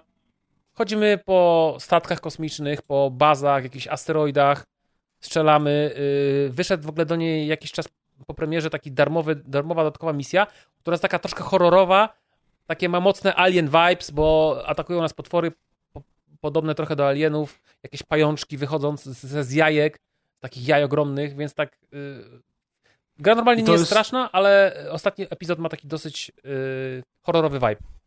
To nie jest już żaden rogalik, tak? Nie, Tylko nie, to typowy normalna- shooterek. Liniowy shooter, idziesz do przodu i strzelasz do wszystkiego. No właśnie oglądam teraz No. gameplaye, wygląda to ciekawie przez to, że faktycznie gra jest w VR-ze, tymczasem przeciwnicy są sprite'ami. Tak, a to fajnie wygląda. Tak, tak. I faktycznie wygląda to całkiem, całkiem ładnie. Gdyby jeszcze tylko człowiek miał czas No na nie, to wszystko. wiem, ale ona jest akurat, ona jest bardzo krótka. Ona A jest na powiedz jakieś mi- 4 godziny max. Okej, a powiedz mi, y, czy ty kojarzysz grę Quell 4D? Coś mi to mówi. Bo to jest jedna z takich gier VR-owych, jak już jesteśmy przy VR-ze, No, to no, tylko no. wspomnę, która gdzieś tam mi e, zawsze śmiga przed nosem. Ja ją nawet sobie dodałem do, Wow. e, do wishlisty i teraz jak mam. VR, to, to myślałem o tym, żeby sprawdzić, dlatego mówię, zapytam Wiesz znawcę. co, ja jej nie znam, to przyznam szczerze, zabiłeś mi ćwieka, bo ta gra jest z 2016 roku. Mhm, ona jest stara już Tak, dosyć. jakby nigdy, znaczy, jak mi powiedziałeś tę nazwę, to się, to jakby ona była mi znajoma, ale nie wiedziałem, co to jest i naprawdę jakoś, jakoś nie, nie zainteresowałem tą grą.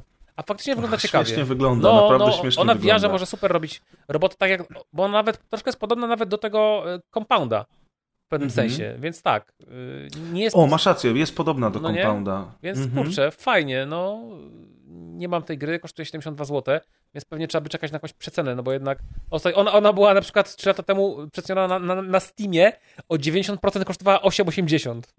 No, więc tak, to właśnie jest. Tak, zdarzają się takie promocje, więc, No. więc warto dodawać te gry sobie do wishlisty i potem faktycznie jak się, jak się pojawia jakaś promka, to wtedy po to sięgnąć. No dobrze panowie, słuchajcie, dobiliśmy do końca tej obfitej listy, wyszło nam to całkiem, e, całkiem zgrabnie, dobijamy do dwóch godzin i będziemy zaraz e, kończyć odcinek. Pamiętajcie, drodzy słuchacze, że tych gier jest za dużo, e, żebyśmy byli w stanie o wszystkich powiedzieć. E, Gdybyśmy chcieli się skoncentrować na każdej dłużej, to odcinek nie trwałby dwie godziny, tylko trwałby godzin 20, a na to niestety nie mamy czasu, ale mam nadzieję, że zachęciliśmy Was do niektórych tytułów i wierzcie nam na słowo, te gry, o których mówiliśmy, że są świetne, są świetne i nawet nawet jeżeli nie jesteście fanami gatunku, y, to po niektóre z nich po prostu warto sięgnąć. I tutaj mam takie pytanie jeszcze do Was, y, Patryk. Gdybyś miał jedną z tych gier, które dzisiaj y, omawialiśmy, polecić komuś, kto zazwyczaj w FPS-y nie gra, to która by była to gra? A widzisz, kto zazwyczaj w FPS-y nie gra. Mm, no to wiesz, zapytałbym w co gra, tak? Żeby spróbować jakąś znaleźć nić pole rozumienia, bo jeżeli na przykład lubi Immersive Simy, to oczywiście poleciłbym y, Blood West. A ja, ale... a ja, a ja Headright, no. No właśnie, tak, tak, tak, prawda? Head on, Więc... head on Head on, Ride. head on. Ale nie, wiecie, to ja jednak zostanę przy swoim typie i poleciłbym Ion Fury, dlatego że tam jest tyle odniesień popkulturowych, bo zakładam, że jest to osoba, która interesuje się ogólnie popkulturą, że nawet jeżeli nie gra na co dzień w e, strzelanki pierwszoosobowe, to możliwe, że się uśmiechnie raz, drugi, trzeci, jak zobaczy po prostu odniesienie do czegoś, co zna i lubi. To na tej Więc- zasadzie może też polecić, y, też polecić Postal. Tak, przy czym e, Postal nie wybrałem, dlatego że tak jak powiedziałem, tam jest humor toaletowy. I ja wiem, że nie każdy lubi. Rozumiem. Ion Fury to jest jednak po prostu e, więcej odniesień. e, Nawet, nawet sam przecież ekran tytułowy jest zaczerpnięty, jakby inspirowany Wolfenstein 3D. To byłby mój typ. Okej, a ty Simplex? Kurczę, ciężkie, ciężkie pytanie. Y, może Prodeusa, bo to jest po prostu dobra gra, albo na przykład jak ktoś lubi horrory, to Forgive Me Father. Myślę, że to też byłaby dobra opcja. Okej. No.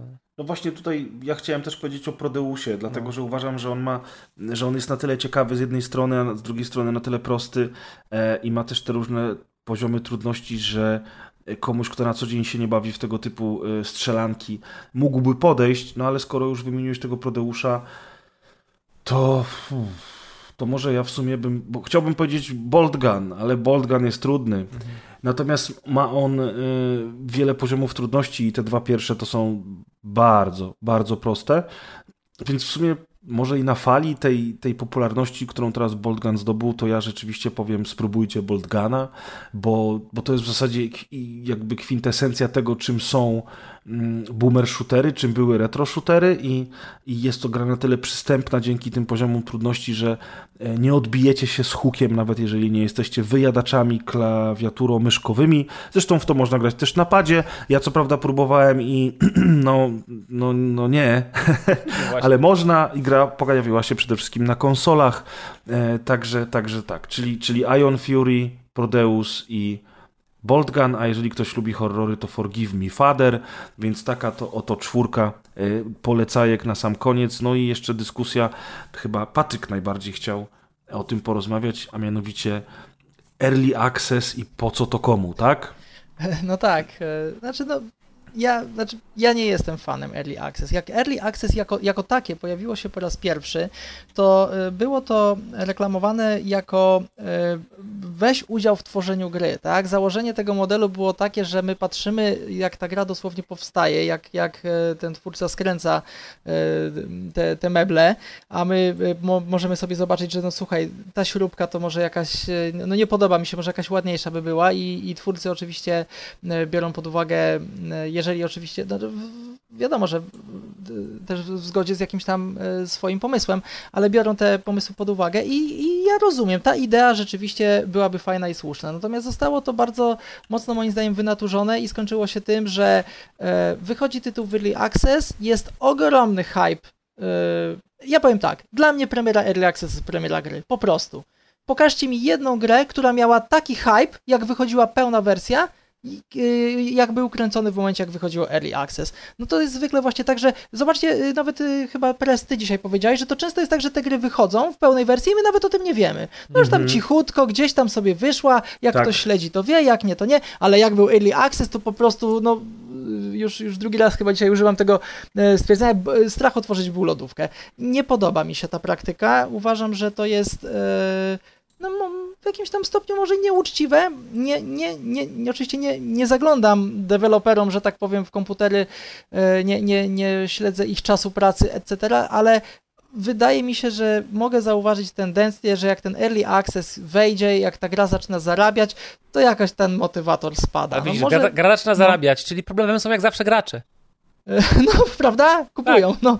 Bo kupują. E, Dokładnie. Znaczy, myślę, że tutaj e, to jest też kwestia troszkę pasji. Ja nie chcę tutaj nikomu tej pasji ujmować, ale e, tak jak e, opowiadałeś dzisiaj Simplex o Hedon, że ten twórca sam przecież dał łatkę wszystkim, którzy kupili Tak. pierwszą wersję, żeby, żeby, bo on po prostu chciał, żeby ludzie w to grali. No. On był zainteresowany, że zobaczcie, zrobiłem coś fajnego, chcę wam to pokazać, chciałem to zrobić dla was. Chciałbym, żeby. Ja nie oczekuję, że, y, że twórcy absolutnie będą swoje gry rozdawać za darmo. Nie o to chodzi. Chodzi mi o to, żebym ja czuł, że oni chcą to zrobić. Ja nie chcę patrzeć, jak oni się męczą. Bo to też jest takie. No, jak ja widzę, jak twórca no, jak robi tę grę, jakby chciała, nie mógł, to ja też mam wrażenie, kurczę, to czy ja będę chciał w to grać? Ja bym chciał, żeby to było Mhm. naprawdę było tak pchane pasją. I dlatego ten early access tak nie do końca mi leży, w, bo został wynaturzony. Ta, tak, tak mi to wygląda. Ja nie mówię, że wszyscy, że czasem ten model się sprawdza, natomiast e, e, tak jak dzisiaj wskazaliśmy przynajmniej dwa tytuły, gdzie to zaczyna wyglądać no, co najmniej niezręcznie. Tak jest. To prawda. Znaczy, no to jest, znaczy inaczej, wiecie, w idealnym świecie nie powinno być early accessu i też się zgadzam, że wolałbym, żeby, nie, żeby gry wychodziły od razu gotowe, ale, ta, ale i tak nie wychodzą. Nawet jak gry, nawet nie ma early accessu, to jak gry, wychodzi, gry wychodzą popsute. Gry AAA w niektórych momentach wychodzą w takim stanie, że one powinny wyjść w early accessie tak naprawdę, ale, nie- ale nie wychodzą, bo jakoś się jeszcze boi branża AAA nazywać swoje gry early access, chociaż de facto one są często early access. Choćby taki Jedi Survivor na przykład. No. no. A No, znaczy Jedi Survivor to może nie tyle, że jest early access, Jedi Survivor po prostu wyszedł z fatalną optymalizacją. no to właśnie, no o tym mówię, no early access.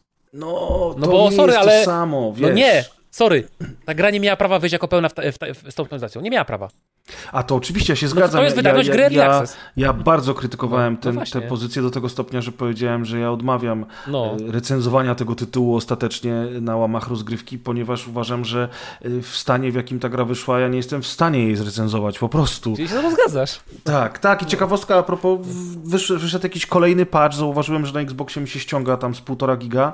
Odpaliłem grę dosłownie wczoraj albo przedwczoraj. Okazało się, że no nareszcie zdaje się działać płynnie i można będzie wreszcie w nią pograć. Wow. No, brawo. No, ale wracając Ta, do, do, do, do, mojego, do, mojego, do mojej myśli, to jest taka, że po prostu niestety wydaje mi się, że wielu deweloperów indie nie ma pieniędzy. Im się po prostu kończą pieniądze i oni wyrzucają grę w early access po to, żeby jeszcze to źródełko nie wyschło. Mhm. Bo, bo, bo, bo to jest po prostu.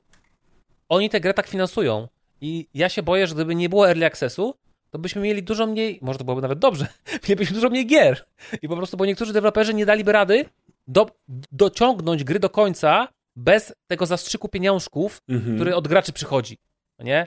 Bo wiecie, no ciężko jest dewelopować gry. I to Oczywiście, zwłaszcza, że jest więc ciężko. jakby trochę, trochę ich rozumiem. Ciężko mi jakby aż tak bardzo, oczywiście wiadomo, że te przykłady, kiedy gry na zawsze, wiecie, są gry, które w ogóle nigdy nie, zaraz nie wyszły, zostały de facto porzucone. I to są, to są jakby najgorsze y, takie przypadki. Ale mimo wszystko większość tych gier jednak, jednak w końcu wychodzi i, i nie wiem, no wydaje mi się, że gdyby nie było early accessu, to mielibyśmy po prostu mniej gier i więcej deweloperów by bankrutowało, nie? I nie, nie, nie dokończało gier. Czy to byłoby dobre? Niekoniecznie. No, tak Znaczy, wiesz co, powiedziałeś, gdyby nie było Early Access, to byłoby mniej gier i że się tego boisz. Ja ci powiem szczerze, że ja bym wolał, żeby było mniej gier, zwłaszcza, wiesz, E- patrząc na, na ilość tytułów, o których wspomnieliśmy na tym odcinku. Już nawet nie mówię o tytułach, które żeśmy Jasne. się starali omówić, ale o tytułach, które nawet wymienialiśmy dwoma zdaniami, to ostatecznie rzecz biorąc... tych wszystkich gier jest za dużo. I z jednej strony Early Access pozwala mniejszym twórcom na to, żeby mogli się wykazać i, i często dzięki temu otrzymujemy produkcje naprawdę dobre, jak chociażby Prodeus, a z drugiej strony rzeczywiście jest tak jak mówisz, że y, źródełko wysycha, y, pojawia się Early Access i dzięki temu ta gra może w męczarniach powstawać przez kolejne trzy lata, ale tak naprawdę nikomu to nie służy. Ale wiesz, jeśli jest za dużo gier, to tak naprawdę nadal ty możesz wybrać, że grać w te, w te, w te najlepsze. Jakby z...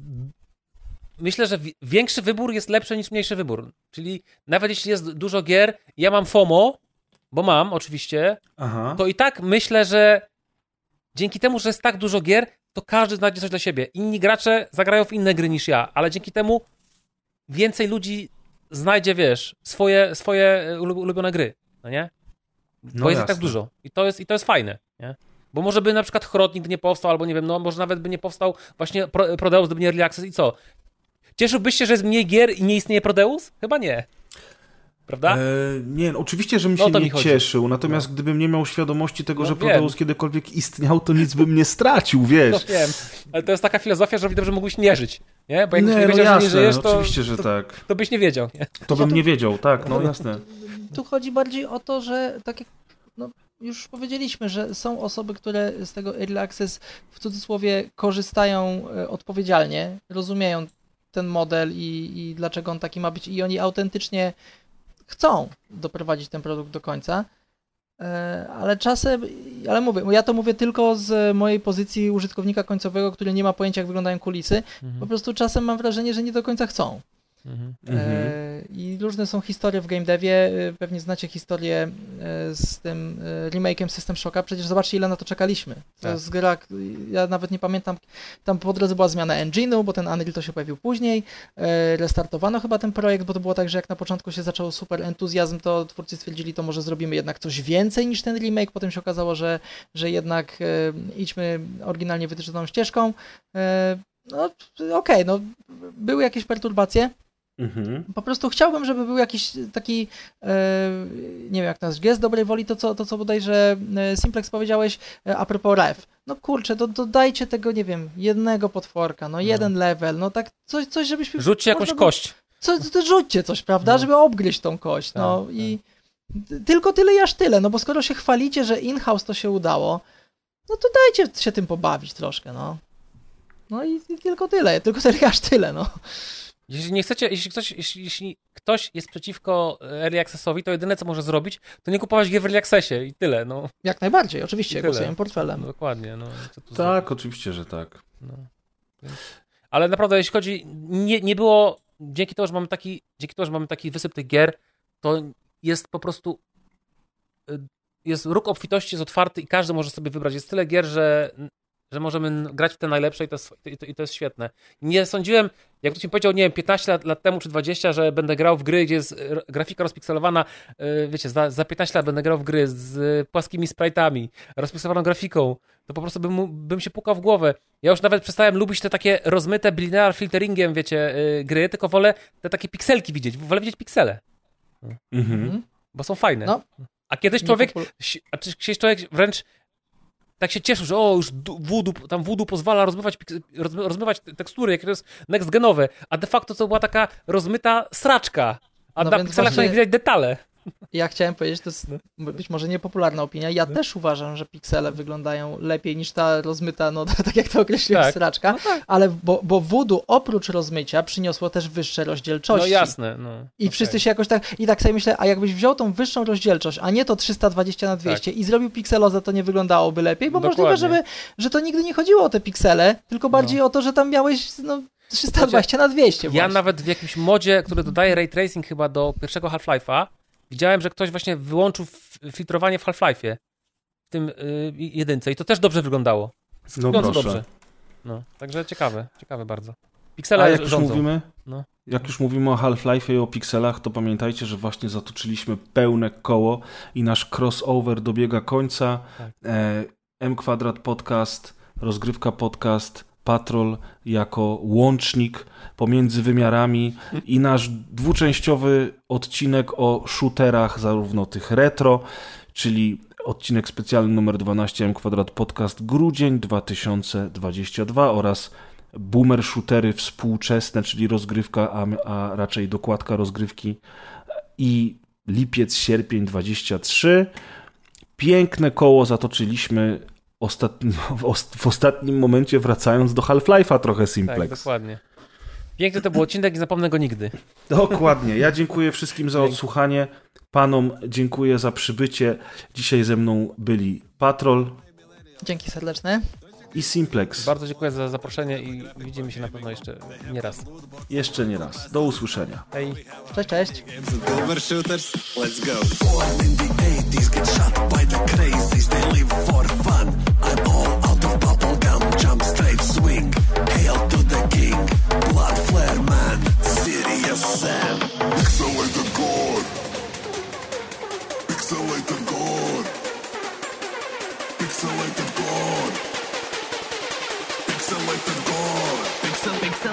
Thank you.